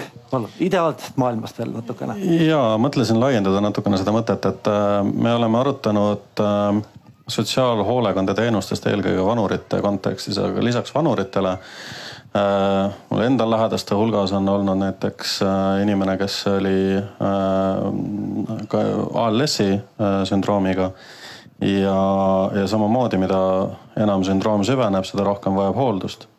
no täpselt samuti võib äh, noor meesterahvas suusamäe peal kukkuda jala sodiks ja samamoodi vajada abi. aga abil ja abil on vahe, et, et, et võib-olla toidu koju toomist või kodu koristamist ei pea pakkuma kõrgelt kvalifitseeritud spetsialist. kindlasti seevastu juba noh, lamatiste hooldamine vajab rohkem teadmisi ja kogemusi. Et äh, mõte natukene on ka selles, et, et äh, kui targalt äh, seda raha kulutatakse, et me võime nagu rohkem raha süsteemi suunata. aga, aga kui, kui suur osa sellest rahast lõppude lõpuks nagu efektiivselt kulub, et äh, kui üks hooldaja on suunatud samas majas oleva inimese juurde, toob toitu, teine inimene toob teises kohas toitu ja nii edasi. No võib-olla see ei ole kõige efektiivsem protsess, et, et kui see on juhitud noh, mõnes mõttes nii nagu meil toimetavad Boltid ja, ja Woltid ja, ja muud sellised äh, nutika majandusettevõtjad, et äh, et võib-olla on võimalik seda raha targemalt investeerida ta,, targemalt suunata ja, ja vältida seda, et, äh, et äh, ka sellises nii-öelda tervislikus mõistes me ei tegele lõpuks nagu nende kõige hullemate tagajärgede likvideerimisega, vaid nii, nii kaua kui võimalik proovime nagu ennetada ja, ja soodsamalt hakkama saada. ma tahtsin siia vahele, eh, kuna oli juttu nii-öelda erivajadustega inimestest nagu noorematest, siis eh, ma kuulsin väidet ja te võite nüüd ümber lükata seda, mina ei ole sotsiaalvaldkonna spetsialist, aga et eh, kui sa saad puude, kui su laps on puudega ja sa ära annad, siis tema eest kantakse hoolt ja tema eest hoolitsevad väljaõppinud inimesed. kui sa jätad, hoolitsed ise oma lapse eest, siis sa oled väga üksinda ja Eestis ei koolitata hooldajaid välja, kes käiksid puuetega laste juures kodus ja see on teistsugune olukord kui see, et ta on kuskil asutuses ja tema eest kantakse hoolt. ja, ja neid inimesi päriselt ei ole olemas, ei ole inimesi, kes maksaksid selle eest ja päriselt ei koolitata spetsiifiliselt sellise otsuse aga äh, et.... ma, ma võtan küll, küll vabaduse nüüd äh, siis rääkida, väga õigesti räägite selles mõttes, et tõesti, see ei ole vanemaealiste probleem, pikaajaline hooldus. see võib olla sünnist saati probleem, see võib olla ajutine probleem mingi trauma tagajärjel, mingi raske haiguse tagajärjel taastumine. ja kindlasti kõik need teenused, mida inimesel on võimalik äh, kodustes tingimustes pakkuda, on vajalikud ja olulised ja ega me siin ministeerium selles mõttes ei vaidle ja ministeeriumi siht on olnud aastaid tegelikult pakkuda ja luua süsteemi, mis pakub inimestele tuge kodus elades toimetulekuks. nüüd tehakse ka väga selgelt vahet, mis on isikuhooldusteenused ja mis on need koduteenused ja see isikuhooldusteenus ongi see, kui, kui noh, kehaliselt on vaja toimetada, olgu need siis juba, juba öö, tekkinud lamatistega või siis igapäevatoimingud, mis, mis eeldavad seda ja isiku sekkumist, aga ka mingid lihtsamad, ma ei tea, süstimised, muud sellised asjad et vaidlust tegelikult siin ei ole, et see on äh, siht ja ma arvan, et see on ühiskonna ootus ja vajadus, aga, aga nüüd, kus ma tundsin nagu erilist vajadust sekkuda, on see, et äh, kui on puudega laps ja ma annan ta ära. vot sellist asja Eesti õigusruumis ei ole, et ma annan oma lapse ära, sõltumata sellest, kas lapsel on siis suurem või väiksem erivajadus ja, või, või on ta märgistatud või märgistamata puude raskusastmega. last ära anda ei saa vanema hooldusõigust on võimalik piirata, peatada, ära võtta. vanemalt on eh, võimalik teatud küsimustes otsustusõigust kohtu teel ära võtta, aga eh, enamikel juhtudel, välja arvatud täielik hooldusõiguse äravõtmine, jääb vanem vastutavaks ja ka ülalpidajaks selle lapse suhtes. nüüd, kui me räägime siis asutuse hooldusest, kas ta on siis äh, ööpäevaringne või ta on ajutisema iseloomuga või päevane ainult. et siis on võimalik äh, keerulisemate laste puhul, kus hooldusvajadus on hästi kõrge ja paljudel juhtudel tekivad ka meditsiinilised vajadused ja meditsiiniseadmete kasutamise vajadused, seda teenust professionaalselt saada ja tõepoolest keerulisemas olukorras on need pered, kellel erinevatel põhjustel on puudunud juurdepääs professionaalsele teenusele ja nad on jäänud äh, koju oma last hooldama. kahetsusväärselt sagedasti on seal põhjuseks äh, äh, ka valik et ühtepidi küll see, et, et sul ei ole häid võimalusi seal oma elukohas ja koha peal, aga siiski ka valik olla oma lapse hooldaja ja see on minu meelest üks hästi keeruline ja väga äh, noh, selline teema, kus no näiteks lapsendamise puhul on olemas ka üks selline lapsendamise motiiv, et on ülim hoolitsuse vajadus ja, ja need inimesed siis soovivadki lapsendada puudega last. et on ka need vanemad, kes on teinud selle valiku, näinud oma elu väljundit selles, et nad hoolitsevad selle puudega lapse eest varem või hiljem nad on silmitsi olukorraga, kus ei saada hakkama, kui on väga rasked juhud, nad ei saa hakkama. kui me räägime psüh psüühikahäiretega lastest või, või ka vaimupuudega lastest, siis teismeeas, kui nende kasv on suur, jõud on suurem, siis füüsiliselt ei saada hakkama. ja tegelikult äh, äh, on probleem see, et meil ei ole piisavalt palju häid teenusekohti äh,. Äh, aga noh ka koju need teenused ka kõik ei tule, et koju me pakume lapsehoiuteenust, tugiisikuteenust lastele, muud professionaalsed teenused koju ei tule. ja neid teenuseid Eesti riigis tänasel päeval me pakume umbes kümne miljoni eest aastas, lapsehoidja ja tugiisik eh, kodudesse või sinna, kus see laps siis viibib, eh, lasteasutusse. aga, aga muud professionaalsed teenused siis jah, väljaspool kodu nii, ma tean, Marion, ma... Marion ootab väga pikalt äh, oma hetke, ma annaks talle sõna, sest ta tõesti on äh, jah, et äh, tahtsin kommenteerida seda vastu, et tegelikult äh, isikuhooldus ja isikuhoolduse pakkumine kodus on väga suur teema, kuna need sotsiaaltöötajad, kes käivad kodudes hindamisi tegemas, nad tihtipeale voodihaigetele määravad ainult seda toidu koju viimist ja koristamist ja ikkagi see mahkmete vahetus jääb pere, pere kanda. ja nüüd, kui perekonnal äh, ongi nüüd see koht, kust, äh, kas ta siis tuleb töölt ära või ta peab ise erateenused leidma ja maksma. ja kui meie Gearmate'iga oleme püüdnud teha siis koostööd kas riigi või kohaliku omavalitsusega, siis, siis ikkagi ei ole seda võimalust olnud, et nüüd näiteks Gearmate'i teenuseid, mis pakub seda kodus isikuhooldusteenust, seda võiks näiteks kohalik omavalitsus siis korvata ja mul on, ma nüüd vastu, nüüd lähen tagasi tegelikult on see, et, et me ennem rääkisime, Rait rääkis ka nii-öelda sellest poliitilisest otsusest, tegelikult on meil ka ühiskonna koolitamise mõistes tegelikult hästi palju ära teha. et noh, ütleme, kui me hakkame A viiskümmend olen vana, ma hakkan oma maja renoveerima, kas me siis nagu teame näiteks ligipääsuste printsiibist lähtuvalt seda teha? noh, tegelikult on ka kohalikel omavalitsustel samamoodi, kui näiteks kui näeb, et see viiekümne viie aastane inimene tuleb, tahab ehitada uut maja. ma võiks küsida, kuule, et aga kas sa mõtled selle peale, et üks, et sa ei saa liikuda kuidas sa planeerid endale seest midagi teha seal? et noh, ka ühiskonnas mõttes nii-öelda mõelda seda, kuidas me oma tulevikku ette. et, et näed, võib-olla mingi hetk on nagu meil häda, on ju. et, et noh, kasvõi see kõige lihtsam see riigipäästuse printsiip majas, kas ta on ühekordne või mitte, on ju, et kui me samamoodi omavalitsushooneid ehitame, ükskõik mis, noh täna näiteks noortekeskust projekteerimist ja noortekeskust. aga siis ma mõtlen nagu selle mõttega, et kuule, aga äkki mingi hetk võiks olla hoopis seda näiteks eakate teenusmaja, kus on nagu neli või viis korterit, kus nagu seesama peremudeli näide on et oleks võimalik, võimalik selleks ümber kohendada. inimeste enda harimine, ma arvan, ka üks selline, mis ei ole väga kallis tegevus, et valmistada ette selleks nii-öelda ka, ka nii-öelda selle väärikaks vananemiseks. ja kui juhtub see kõige kehvem asi, et saad selle loterii, et sul on vähemalt see keskkond olemas ka seal kodus, et võib-olla ka neid, võib-olla ma olen täna selline, ütlen, et noh, et ma vajangi ööpäevaringset hooldust peaaegu. Aga ma tahan, et ma olen nii jõukas ja ma jõuan palgata inimesed, et teeb seda kodus mul, aga mu kodu on selleks nagu mingis mõttes ette valmistatud. ma arvan, et inimeste harimine on ka üks väga oluline osa. me olemegi jõudnud järgmise teema juurde, et on, mida peaks tegema? mis on see järgmine otsus? järgmine tegemise samm, kuhu me peaks astuma? No meil on ministeeriumis on viis lahendust on laua peal, aga poliitika peab otsustama, vaat see on hea lihtne onju, et aga seda ühtset vastust ei ole, mida teha tuleks, see on kompleksne. selles mõttes on nagu oluline tänases paneelis, et te panite tähele, et ühtegi sotsiaalministeeriumi töötajat me siia lava peale ei kutsunud. et äh, sotsiaalministeerium loomulikult toimetab. Rait, kas ma toon tooli sulle ja ma arvan, et see, mina arvan, et see ideaallahendus on see, et, et see vastutus ei ole ainult nii-öelda ühel osapoolel ehk siis on jagatud vastutus ja tuleb ka vaadata ka seda, et lahendada nagu esimese printsiibina täna esimene asi, mida lahendama hakata, need, kellele see teenus ei ole kättesaadav. Et sinna leida lahenduse järgmisena vaata seda, et oleks jagatud vastutus, tegelikult siis tekib ka mingi võrdsus selles osas teenuse kättesaadavus. Esimene samm võib-olla, et äh, loeks sotsiaalhoolekande seadust ja tegelikult äh, seal on ähm, kirjas kõikidel omavalitsustel on ühesugune ja absoluutselt võrdne kohustus.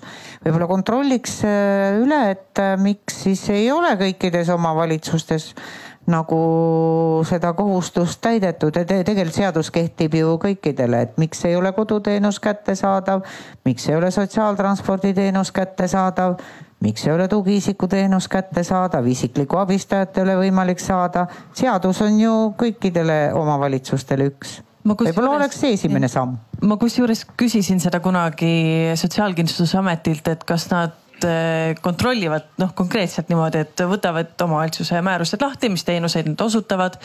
kas need on eh, sotsiaalhoolekande seadusega kooskõlas, et seal ei tehtaks mingeid piiranguid, et mingit sotsiaaltransporti saab ainult sügava puudega inimene, mitte keskmisega ja nii edasi. ja siis mulle vastati selle peale, et, eh, et noh, et nad on saatnud kunagi kirja, et kus on siis nagu toodud välja need umbes seadu-, teenused, mis peavad olema tagatud ja nii edasi. no ehk siis noh, mingit sellist, keegi nagu sellist nagu kuidagi kontrolli või järelevalvet ei tee. aga noh, kõigil inimestel on ise võimalik seda teha. ja paar aastat tagasi oli audit, auditeeriti kohalikke omavalitsusi jah, et aga, aga kas ka selle auditi tulemusel nagu midagi ümber tehti? Pärnus ma tean, et tehti, aga, aga mujal ma ei oska öelda kui ma ja kui ma tohin selle, et mis teha, äh, kokku võtta selle diskussiooni pealt, siis ma saan aru, et meil on kaks probleemi, meil on üks probleem see, et äh, kõik on inimese enda õlul, ehk siis, et kui sa satud sellesse olukorda, siis väga kahju, aga sinu elu jääb mingil hetkel seisma ja seda solidaarsust ei ole ja solidaarsust saab tekitada läbi avaliku sektori toetuse või no läbi riigi riigieelarvelise äh, maksudest tuleva asja ümberjaotamise, nii et üks lahendus oleks siis see, et me jaotame seda raha rohkem ümber, meie ühist raha sinna, kus seda vajadust täna on, ehk siis tuleb suurendada seda rahastust sotsiaalkindlustusele äh, kuludele. teine probleem, mis ma siit kuulsin, on ikkagi see, et teenused ja inimese vajadus ei lähe kokku, ehk siis kuskil on teenused, aga seal ei ole võib-olla inimesi või siis seal, kus on inimesed, ei ole teenuseid ja see ettepanek, et riik peaks nüüd hakkama kuskil teenuseid arendama, mulle see ikkagi väga nii palju ei istu, sest ma arvan, et see ei vii sinna, kuhu me tegelikult tahaksime minna. Ja see, mida Maarjon teeb oma, oma ettevõttega on täpselt see, kus erasektor saab tegelikult tulla selleks äh, abikäeks, kus on palju parem efektiivsus teenuse vajaja ja teenusepakkuja kokkuviimisel, et noh, see näide, ma käisin su, ma käisin lihtsalt puhtalt huvi pärast enne seda debatti sinu firma kodulehekülje peal ja sa teed täpselt seda, mis tegelikult täna nagu turul vaja on, et kui nüüd see avaliku sektori õlg sinna alla tuleks inimesele ehk siis sellele kliendile, kes seda teenust vajab, siis ma arvan, et me oleme juba pool probleemi ära lahendanud mul ongi siit hästi hea edasi liikuda, just hea, et Kristina esimesena sai selle rääkida, et tegelikult ei ole see päris nii, et avalik sektor äh, ja riik. Äh, avalik sektor ja kohalik omavalitsus ja riik ja avalikud teenused, lisaks sellele vabakond, kogukond ja eraettevõtlus, et minu meelest peab olema see selline väga erinevaid osapooli kaasav äh, mudel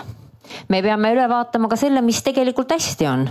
on erinevad Euroopa Liidu vahendid, näiteks kodude kohandamine, me rääkisime siin uksepakkudest, pesemisvõimalustest ja tõesti rahvaharimine sinna juurde ka, et, et ei ole mõtet ehitada sellist veetorni nagu kahekordne või kolmekordne lihtne näide, Soomes Sibo linnas kõik kolmekorruselised majad varustatakse nüüd juba lif-, vabandan, Iisalmi linnas varustatakse liftiga selle tõttu, et lapsevankriga on mugav liikuda, tugikäruga on mugav liikuda, ratastooliga on mugav liikuda, sa ei pea kolmandalt korruselt ära kolima, kui sa juhuslikult, ma ei tea, õnnetuse tagajärjel, see on möödaminev asi. aga näiteks jääd äh, õnnetuse tagajärjel ratastooli, ei pea hakkama kodu vahetama, vaid on võimalik äh, tänu lifti ja liikumisvõimalusele ka välja seal edasi elada, nii et, et mina näen nagu küll seda kõikide olemasolevate ressursside kaasamist ja sellegipoolest tehke või tina, kui ikkagi seda ressurssi on väga vähe olnud ja siin ei saa öelda, et keegi on midagi valesti teinud, me olemegi kolmkümmend aastat alles taasiseseisev olnud ja igale poole oli korraga vaja seda ressurssi, nii et, et järsku võtaks nagu selles osas äh, lootuse, et kui nüüd need analüüsid ja kõik need ära tehakse, siis hakatakse, et hästi tehti enne, mis tehti valesti, vähe, aga vaatame, kuidas me edasi saame, et ega see, et me minevikku kinni jääme, ei lahenda seda probleemi tuleviku jaoks üks asi, mis nagu välja tuli, on suhteliselt odav on ehitusstandard. lihtsalt läbi mõelda, enne kui uue maja ehitad. et võib-olla võiks alustada uutest majadest, mitte minna kohe vanu ümber ehitama. no ja teenusmajad. ja, ja siis veel teenusmajad ka. ja see elukaare küsimus ongi see, et ütleme, mina arvan, et võimalikult lühikeseks tuleb see periood teha, kui inimene on see kakskümmend neli seitse hooldusel. et see peaks olema eluetapi viimane küünlapäev piltlikult öeldes ja täna nii-öelda mul on hea meel, et sotsiaalministeerium ka selle teenusmajast, teenusmajade nii-öelda idee ja mõtte nagu omaks võtnud. Eestis on kaks omavalitsust on, kes seda on nagu teinud juba on Türi ja Järvavald. ja tegelikult on suhteliselt odavad need lahendused ja inimesed, kes tulevad, tekivad, meil on sihuke maja, kus siis on kohandatud, uus maja ehitatud, kohandatud üksi elamiseks või kahekesi elamiseks, kus on, pakutakse siis igapäevateenuseid juurde, on see toitlustamine, huvitegevus, kõik muu ja kes tuleb oma majast ära nii-öelda, et on ka nii, et, et, et tahab ainult olla talveperioodil seal, et ise otsustab, kas tahab olla ka hiljem. väike aialapp, nad elavad nagu oma väikses sihukeses kommuunis, nad on õnnelikud. Ja tegelikult meie nii-öelda statistika nihuke nagu puusa pealt näitab, et sihuke maksimaalselt kuu on see, kui, kui inimene vajab seda kakskümmend neli seitse hooldust ja viime ta hooldekodusse või ta valib selle hooldekodu. on ka neid, kes on seal lahkunud et tegelikult ongi see, et, et see väärikalt elamise etapp, et see väärikalt elamine peaks olema see kõlavalt onju. ja noh, ka sinna, et tegelikult kõik, kes täna ka kohalikul tasandil kandideerivad, et see sotsiaalvaldkond peaks olema prioriteedi ees vähemalt kolme sees, mina ütlen kui see ei ole, siis tegelikult me vaatame demograafiat, me vaatame, mis mured tegelikult ühes kohalikus omavalitsuses on see Tallinn või Tartu või siis isegi see väike Järva vald mul. tegelikult on nad samasugused, nad tegelikult peaks olema top kolmes see sotsiaalvaldkond, see on hästi lai ja sealt lahendabki neid muresid ja me tegelikult peame inimeste nii-öelda motivatsiooni ja pädevust selles valdkonnas tõstma et tõesti enne haldusreformi oli nii, et äh, nagu sa tõid näite, et, et seal noh, et äh, oli, oli siis nii-öelda neid kolmeteistkümne teenust, me ei osanud isegi pakkuda, sest me ei teadnud, et meil niisuguseid inimesi on, kes neid teenuseid vajavad, et see pädevus on päris palju peale haldusreformi tõusnud tegelikult ja ma loodan, et ta kasvab ka edasi.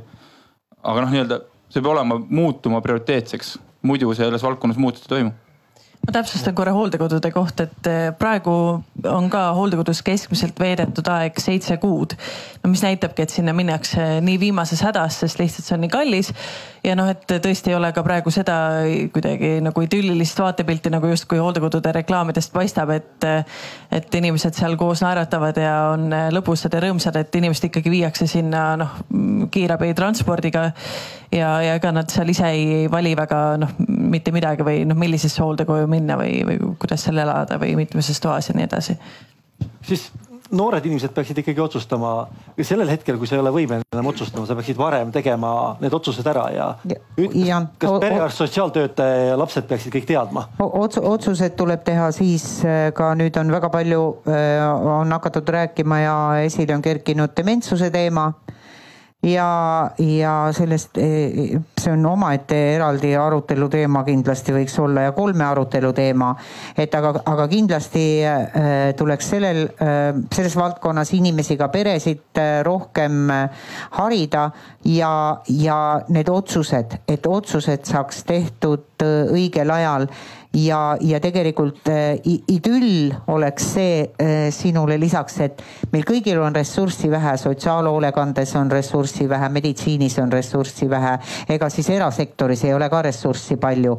Äh, kui meil kõigil on natukene ressurssi ja kõigil on natuke puudu, et, ähm, et mul on, mul on selline tunne, et aga, aga äkki me istuks kuskil noh koos maha, et praegu me tõmbame igaüks oma, oma rida ja, ja võitleme igaüks oma suure ja ilusa õige asja eest, et aga või, võib-olla oleks efektiivne vaadata, vaadata üle, et mida me, mida me ühiselt ja koos saame ära teha, et et sellel ühel inimesel eh, oleks eh, või võib-olla mitme institutsiooni teenused korraga eh, võimaldatud, et Keermeit teeb isikuhooldust ja ei pea poest süüa tooma ja, ja, ja võib-olla veel mingid teenused sinna juurde, et võib-olla hästi, et oleks kombineeritus hästi paljus, võimaluste paljusus ja hästi paindlik ja kindlasti see, et äh, täpselt seda, mida mida vaja, see, mida täpselt, mida inimesele vaja on, et see raiskab ka ressurssi vähem. tuleviku ideaalmaailmas me ressurssi ei raiska, ka inimtööjõu ressurssi ei raiska. Priit, sa oled tükk aega oodanud oma järge ma olen nõus sellega, mida viimasel, nüüd viimasel, viimased inimesed on rääkinud, et, et on nii-öelda paindlikkustoesüsteemi, see, mida te enne välja tõite nii-öelda ka puuetega laste puhul, vot see Tartus nüüd minu arust vist, ma ei tea, kas noh, kas, kas esmakordselt, aga üks erakool hakkab tegema kogupäevakooli just nendele liitpuuetega või keerulistele lastele, et noh, praegu olid ka justkui teenused on olemas aga tegelikult on niimoodi, et vanem on, on igal juhul hõivatud ja ka see eh, tugiisik, kes pannakse, tegelikult ei suuda see ühegi pere vajadusi rahuldada, sest tugiisiku toetus on nii madal ja, ja keegi seda tööd sellisel kujul tee. ja tavaliselt nendel lastel on vaja käia väga paljudes erinevates eh, nii-öelda erinevaid teenuseid saada ja see vanem ikka jookseb lõpuks ühelt teenuselt teisele, et nüüd ongi idee selles, eks, et on, ollakse paindlikud, et püütakse teha sinna kooli juurde see kogupäevakool, et need teenusepakkujad tulevad sinna kooli juurde, laps saabki hommikul, vanem saab tööl käia, mitte ei pea jooksma ühelt teenuselt teisele, eks, et, et selles mõttes see paindlikkus on, on, on nii-öelda selles mõttes universaalne lahendus, sest ega see, kui me räägime, et raha on juurde vaja ja, ja ma kordan oma mantrat, ega noh, vaesust ümber jagades ei ole võim-, ei saa ükski valdkond rikkamaks, eks ju, selles mõttes, et me oleme nii vaesed, kui me oleme, et ma ei ei tundes nii Helmenit kui, kui praegust ministrit ei eelda, et kuskil on inimese pädevuste taga, et miks ta null koma kuuelt ühe koma viiele seda raha ei suuda tõsta, no ei ole see küsimus, eks ju. lihtsalt äh, Eestis on riigikaitsekulud ja kultuurikulud on need, mis on kõrgemad kui teistes ja ülejäänud kõik valdkonnad äh, räägivad sama juttu, et ei ole, raha on vähem kui, kui igal pool mujal, eks ju noh. et kust, kust me seda raha ära võtame, nagu ma ütlen, vaesust ümber jagada ei ole mõtet, eks sellest ei saa keegi, keegi jõukamaks. Mari on pikalt oodanud ja siis ma ja et äh, see on, ma olen täiesti kahe käega poolt, et koostööd tuleb teha ja olen alati ka seda püüdnud teha. aga siin tekib nüüd see küsimus, et, et kes on see spetsialist, kes tegelikult otsustab, mis sellele inimesele vaja on. ja tegelikult on ju seal puuete ja raskete haigustega on tervishoid väga oluline osa, millest tegelikult sotsiaaltöötaja väga pädev ei ole otsustama, mis talle nüüd see kõige olulisem on et äh, esimene asi, mida tuleks teha, on ikkagi integreerida omavahel kasvõi andmebaasid, et äh, oleks äh, olemas see võimekus leida üles kõik need pisikesed augud, mis on täna täitmata, et anda see õige, kõige vajalikum teenus siis sellele inimesele. ja teine on siis määrata ära see inimene või see roll, kes seda otsustab, et ja, ja kuidas siis lahenduseni jõutakse. ja kui rääkida kättesaadavusest, siis tegelikult äh, see, et kas ta peaks olema riiklik või kohaliku omavalitsuse tasandil, et kui ta juba on integreeritud äh, äh, omavahel siis äh, tervisesektori poolt koos sotsiaalsektoriga, siis tegelikult seal juba tekib selgus ja võib-olla see aitab ka siis kohalikel omavalitsustel paremini neid otsuseid teha ja jõuda lähemale inimesele. ma tahtsin uurida, kas publikus on äkki ideid, mida peaks otsustama? jah hästi lühidalt ütlen siiski, sotsiaalkaitsekulutused Eesti riigis on väga madalad. ükskõik millises võrdluses jääme me alla. OECD mõne aasta tagune uuring ütleb, et inimesed on valmis panustama täna, et kindlustada ennast ja oma lähedasi vanaduspõlve hooldusvajaduse vastu. OECD uuring on seal all, eestlasi on ka küsitletud, nii.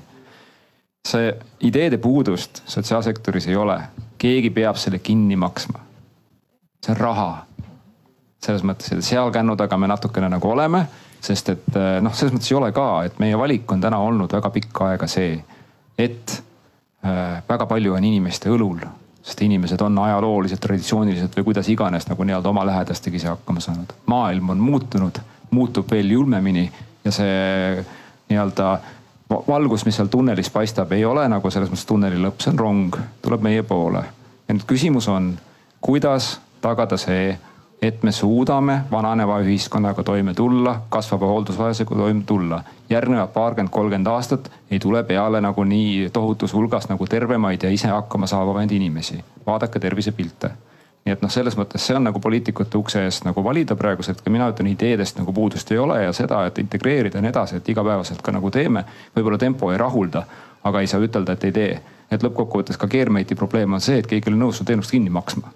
see on pigem see probleem on ja, ja kuna keegi su teenust kinni ei maksa, inimene sult seda ei osta, siis äh, noh, ongi see nokk kinni, saba lahti, et riigil, see pole riigi ülesanne, see on omavalitsuse ülesanne, omavalitsus ei võta sind jutule on ju, siis sa tuled nagu riigi juurde, ütled, et noh, et näed, et paha lugu on ju, muutke süsteemi. aga see kõik on lõpuks ressursi küsimus. nii et noh, väga vabandan, aga see vastus on väga lihtne, et kui sinna süsteemi ei investeerita, tähelepanu kõige Raidu räägib, on ju, et ma olen väga nõus, on ju sellega peab tegelema, aga kui äh, me ei investeeri sinna nagu nii-öelda rohkem vananeva ühiskonna valmisoleku tõstmisse on ju, siis noh, nii ongi, et, et olen nagu nõus, et siis on see seis on ju nii-öelda, et ärme kurda, et, et püüame hakkama saada. ja kas publikus on veel eh, ettepanekuid eh, otsuste osas, mida võiks teha? jah, Piret Väljats, Tartu linnavalitsus, ma olen seda meelt, et raha ei lahenda kõiki probleeme ja isegi kui raha suunata sellesse valdkonda, siis eh, tihtipeale kohalikul omavalitsusel lihtsalt ei ole inimesi, kes teenust osutavad. ja koroonaaeg näitas väga selgelt, et ei meie oma allasutused ega ka erasektori teenuse osutajad, ükskõik mis summat me neile pakume teenuse osutamise eest, ei ole nõus seda mis iganes põhjusel tegema. ja paraku nii on, et me peame lihtsalt natukene targemalt äh, teenuseid korraldama ja väärtustama ka seda valdkonda. Äh, sest raha ei lahenda siin probleeme, eriti kui raha on igal pool vähe. aitäh võib-olla. mina, mina, mina tahaksin lisada, et ma, ma saan sellest aru, et täna ei ole seal inimesi, ma arvan, et inimesi ei ole täna seal sellepärast, et seal ei ole mitte kunagi raha olnud. et äh, kui seal raha ei ole, siis ei ole ka inimesi, kes sinna turule sisenevad, neid teenuseid pakuvad või on valmis neid teenuseid pakkuma ja siis kriisi hetkel lööb see eriti valusalt välja, et sa järsku oled valmis kriisi hetkel selle suure rahasumma sinna lükkama. aga kuna sa enne ei olnud seda midagi lükanud, siis sul ei ole ka kellegiga seda enam lükata. et noh, see on see ja ma, ma olen Raidoga, ma saan aru, et me jõuame lõpuks ikkagi sinna, et raha on puudu ja see on vaja poliitikute poolt ära tuua ja siis meil hakkavad probleemid otsast lahenema. kui suunata raha sisse, siis tuleb erasektor taha, siis läheb turg aktiivsemaks ja need teenused lähevad kättesaadavamaks. no nii lihtne see tegelikult ongi. nii, ma annan publikus ühe korra sõna ja siis on äh, väike lõppsõna. see, äh, mis kaotate suurte hooldekodu ära suurte hooldekodu kaotati ära, enne Vene aeg oli suur hooldekodude ja kõiki. miks ära kaotati? miks ära kaotati?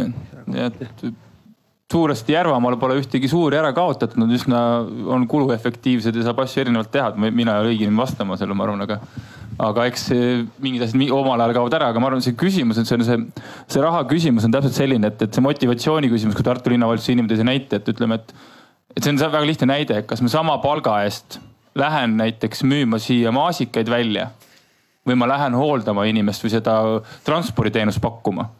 et, et noh, inimesed valivad selle emotsionaalsemalt lihtsama lahenduse on ju, tegelikult on see, et kogu sektori motiveeritust nii-öelda läbi töötasu on vaja tõsta.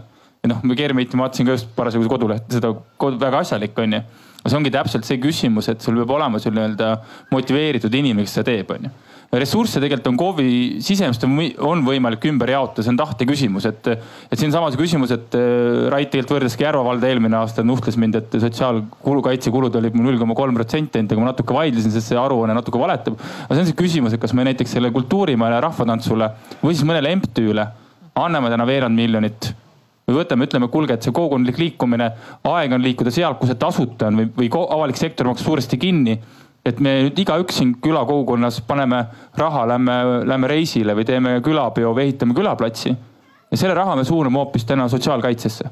vaata, see on see koht, et meil on väga palju ühiskondlikult nii-öelda, mina tean Vene ajast tulnud neid asju, et meil peab olema tasuta, noh, see, see jaanipidu on kõige ehedam näide, ma sain viimati kuu aega tagasi kirja, kuidas, miks ei ole tasuta ja vale bänd oli ka.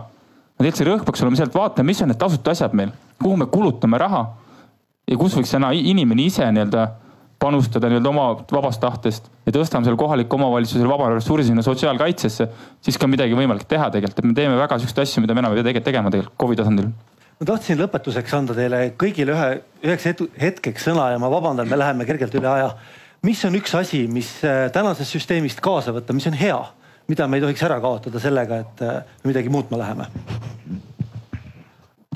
mina arvan see, et täna üks hea asi, mis on, et et me oleme inimeste lähedal tegelikult suuresti enamus, seitsekümmend üheksa omavalitsuse võrgustik on üsna tihe.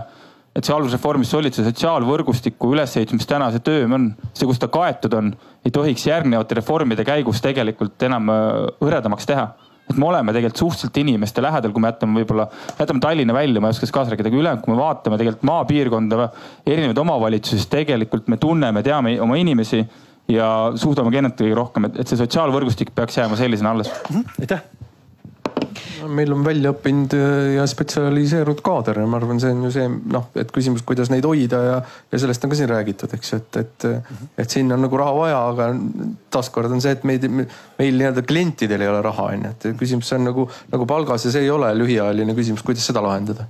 hoiame inimesi. Mul kummitab ikka peas see dokumentaalfilm Rootsi kohta ja ma arvan, et äh, me peaksime nagu kaasa võtma selle, et me ei läheks sinna suunda, kus inimesed on hästi üksikud lõpuks, sellepärast et nad ainult loodavad süsteemi peale, et süsteem teeb, ehitab, toetab, et need lähedaste suhted on ikkagi olulised. ja ma ei taha öelda, et me paneme lähedaste suhted nüüd pantvangi selle omastehooldusega, et, et me omastehooldust meelega ei rahasta selleks, et me sunnime lähedasi siis hooldama, et see on justkui nagu lähedaste suhted. aga ma taha, ma ei tahaks, et me ühiskonnana hakkaksime andma signaali või poliitikutena andma signaali, et lähedaste suhted ei ole olulised, et ärge muretsege, ähm, riik hoolitseb teie eest kuni surmani ja, ja nii edasi, et see, et see seda sõnumit ei tahaks väga lendu lasta, sest lähedaste suhted on olulised ka selle tervise jaoks ja tervena elatud aastate jaoks. et me ikkagi pööraksime sellele ka tähelepanu. Kristiina, see film, millest sa räägid, seal ju ei olnud nii-öelda, et vanad inimesed olid üksikud, seal olid ju noored naised, et inimestel ei olnudki enam kedagi muud vaja, nad tahtsidki olla individualistid. see oli ju see, kuhu Rootsi ühiskond on liikunud, see ei olnud see, et õnnetud vanainimesed on. õnnetud naised, kes tahtsid ja. Äh, olla sõltumatud meestest, eks ju, seal olid, kuidas lapsi saada, kõik see on süsteem, see ei ole nii-öelda. Priit, ära nüüd naiste kaela torma. mehed samamoodi, mehed samamoodi. seal olid ka mehed, kes olid oma lastest lahti öelnud ja siis jäänud üksikuks, et no selles mõttes ei ole. ei, ei, seal oli ikka igasugust, see oli üksilduse värk seal kogu ühiskonnas. päriselu on ikka ägedam kui film tegelikult. ja, aga me nägime seda, inimlik suhe et mis kaasa võtta, et ehm, ma arvan, et meil on päris hea äh, spetsialistide väljaõpe või et me, me, meil on äh, päris hea iga tasandi hoolekandespetsialistide ja sotsiaaltöö spetsialistide väljaõpe, nii alates äh, hooldustöötajatest äh,, tugiisikutest kuni sotsiaaltöö spetsialistideni kõrghariduse ja magistri tasemel välja. Ja, ja ütleks, et et äh, näiteks Pärnu, äh, tahtsin Pärnu ülikooli öelda, issand jumal hoidku selle eest. Äh, Tartu Ülikooli Pärnu kolledži ähm, sotsiaaltöö erialale konkureeris sellel aastal vist neljasaja inimese ringis, nii et, et tundub, et sotsiaaltöö on muutunud ka selliseks küll küll väikese sissetulekuga, aga stabiilseks ametiks, mis toidab sind ka kriisi ajal muuseas, see oli lihtsalt lisa huvitav fakt Pärnu kolledži puhul, et sotsiaaltöö, mis alati on olnud alakonkurss, ehk siis ei suuda kohti täita, läks sellel aastal paksult täis ja kõva konkurss oli. ja turismiettevõtlus, mis on alati üle konkursiga, oli see aasta ei suudetud täita kohti, nii et no Covid on oma prioriteedid nagu paika pannud. see pandi kriisi ajal paika, nelisada tahtjat oli, päris õudne oli see. kogu turismimajandus mina olen sellega väga rahul, et me seda debatti peame ja sellistel olulistel teemadel ühiskonnas aina rohkem ja rohkem räägime, sest kümme aastat tagasi, kui ma ise sotsiaaltööd Tartu Ülikoolis õppisin, siis oli see kuskil täiesti tundmatu ala, et äh, seda ei tule ja keegi ei osanud millalgi sellest rääkida. ja ma, kuna Eesti on hästi avatud äh, innovatsioonile ja me võrreldes teiste riikidega kiiresti-kiiresti areneme teistest edasi, siis ma tahaks loota, et ka hoolekanne on äh, üks asi, millega me suudame silmad ette teha teistele riikidele üsna varsti. mina arvan, et meil on hea kaasa võtta see koostöötahe ja see koostöötahe erinevate omavalitsuste, riigi, erasektori vahel, et tegelikult inimestel on see koostöötahe. ja omavalitsused, äh, siin tõi nii kenasti Priit näite, et äh, jätame mõne asja ära, suuname hoolekandesse, aga võib-olla siis just see ennetus, Rait, anna andeks, ja, ja, ja nii ähm,. Priitu ma tahtsin ka äh, kiita ja ei nuhelda ei tahtnud, et see koostöötahe on esiteks ja teiseks on see, et, et ähm, noh, ega siis äh, tuleb ikka vaadata häid praktikaid nii Eestis kui mujal maailmas ja leida see Eestile kõige parem omane variant. ega siis soomlased muidu kümme aastat ei vaielnud seaduse üle, mida kutsutakse sodeks ehk sotsiaal- ja tervishoid, mille nad nüüd ära teevad, aga kümme aastat vaieldi ja ometi heaoluriik ja tunduvalt suuremad kulutused SKP-st kolm koma viis, kui ma ei eksi, paneb Soome. nii et, et vähemalt Skandinaavia maad panevad seda, et ähm, koostöötahe, siis lähevad asjad, liiguvad edasi. Suur aitäh! Ja selle koostöö teemaga lõpetades ma tahtsin öelda, et meil on puudu EKRE esindaja, kes kahjuks sai positiivse testitulemuse ja meil on puudu Keskerakonna esindaja, kes kahjuks pidi minema isiklikel põhjustel õhtul Tallinnasse, et, et meil ei olnud kaks erakonda puudu koostöötahte puudumise tõttu, vaid see lihtsalt sellepärast, et asjaolud mängisid selle vastu. ma tahan teile öelda suur-suur aitäh selle eest, et täna võtsite selle aja siia tulla ja aitäh teile, et tulite kuulama. ja Lenno, kui sa lubad, kui sa lubad, ma ütlen, ma tean, mida Viktor Vassiljev alati sellistel aruteludel ütleb, kuna ta on sotsiaalkomisjoni liige, Signe võib noogutada, Viktor ütleb niimoodi, et ega probleem ei ole kallites kohtades, probleem on väikses pensionis.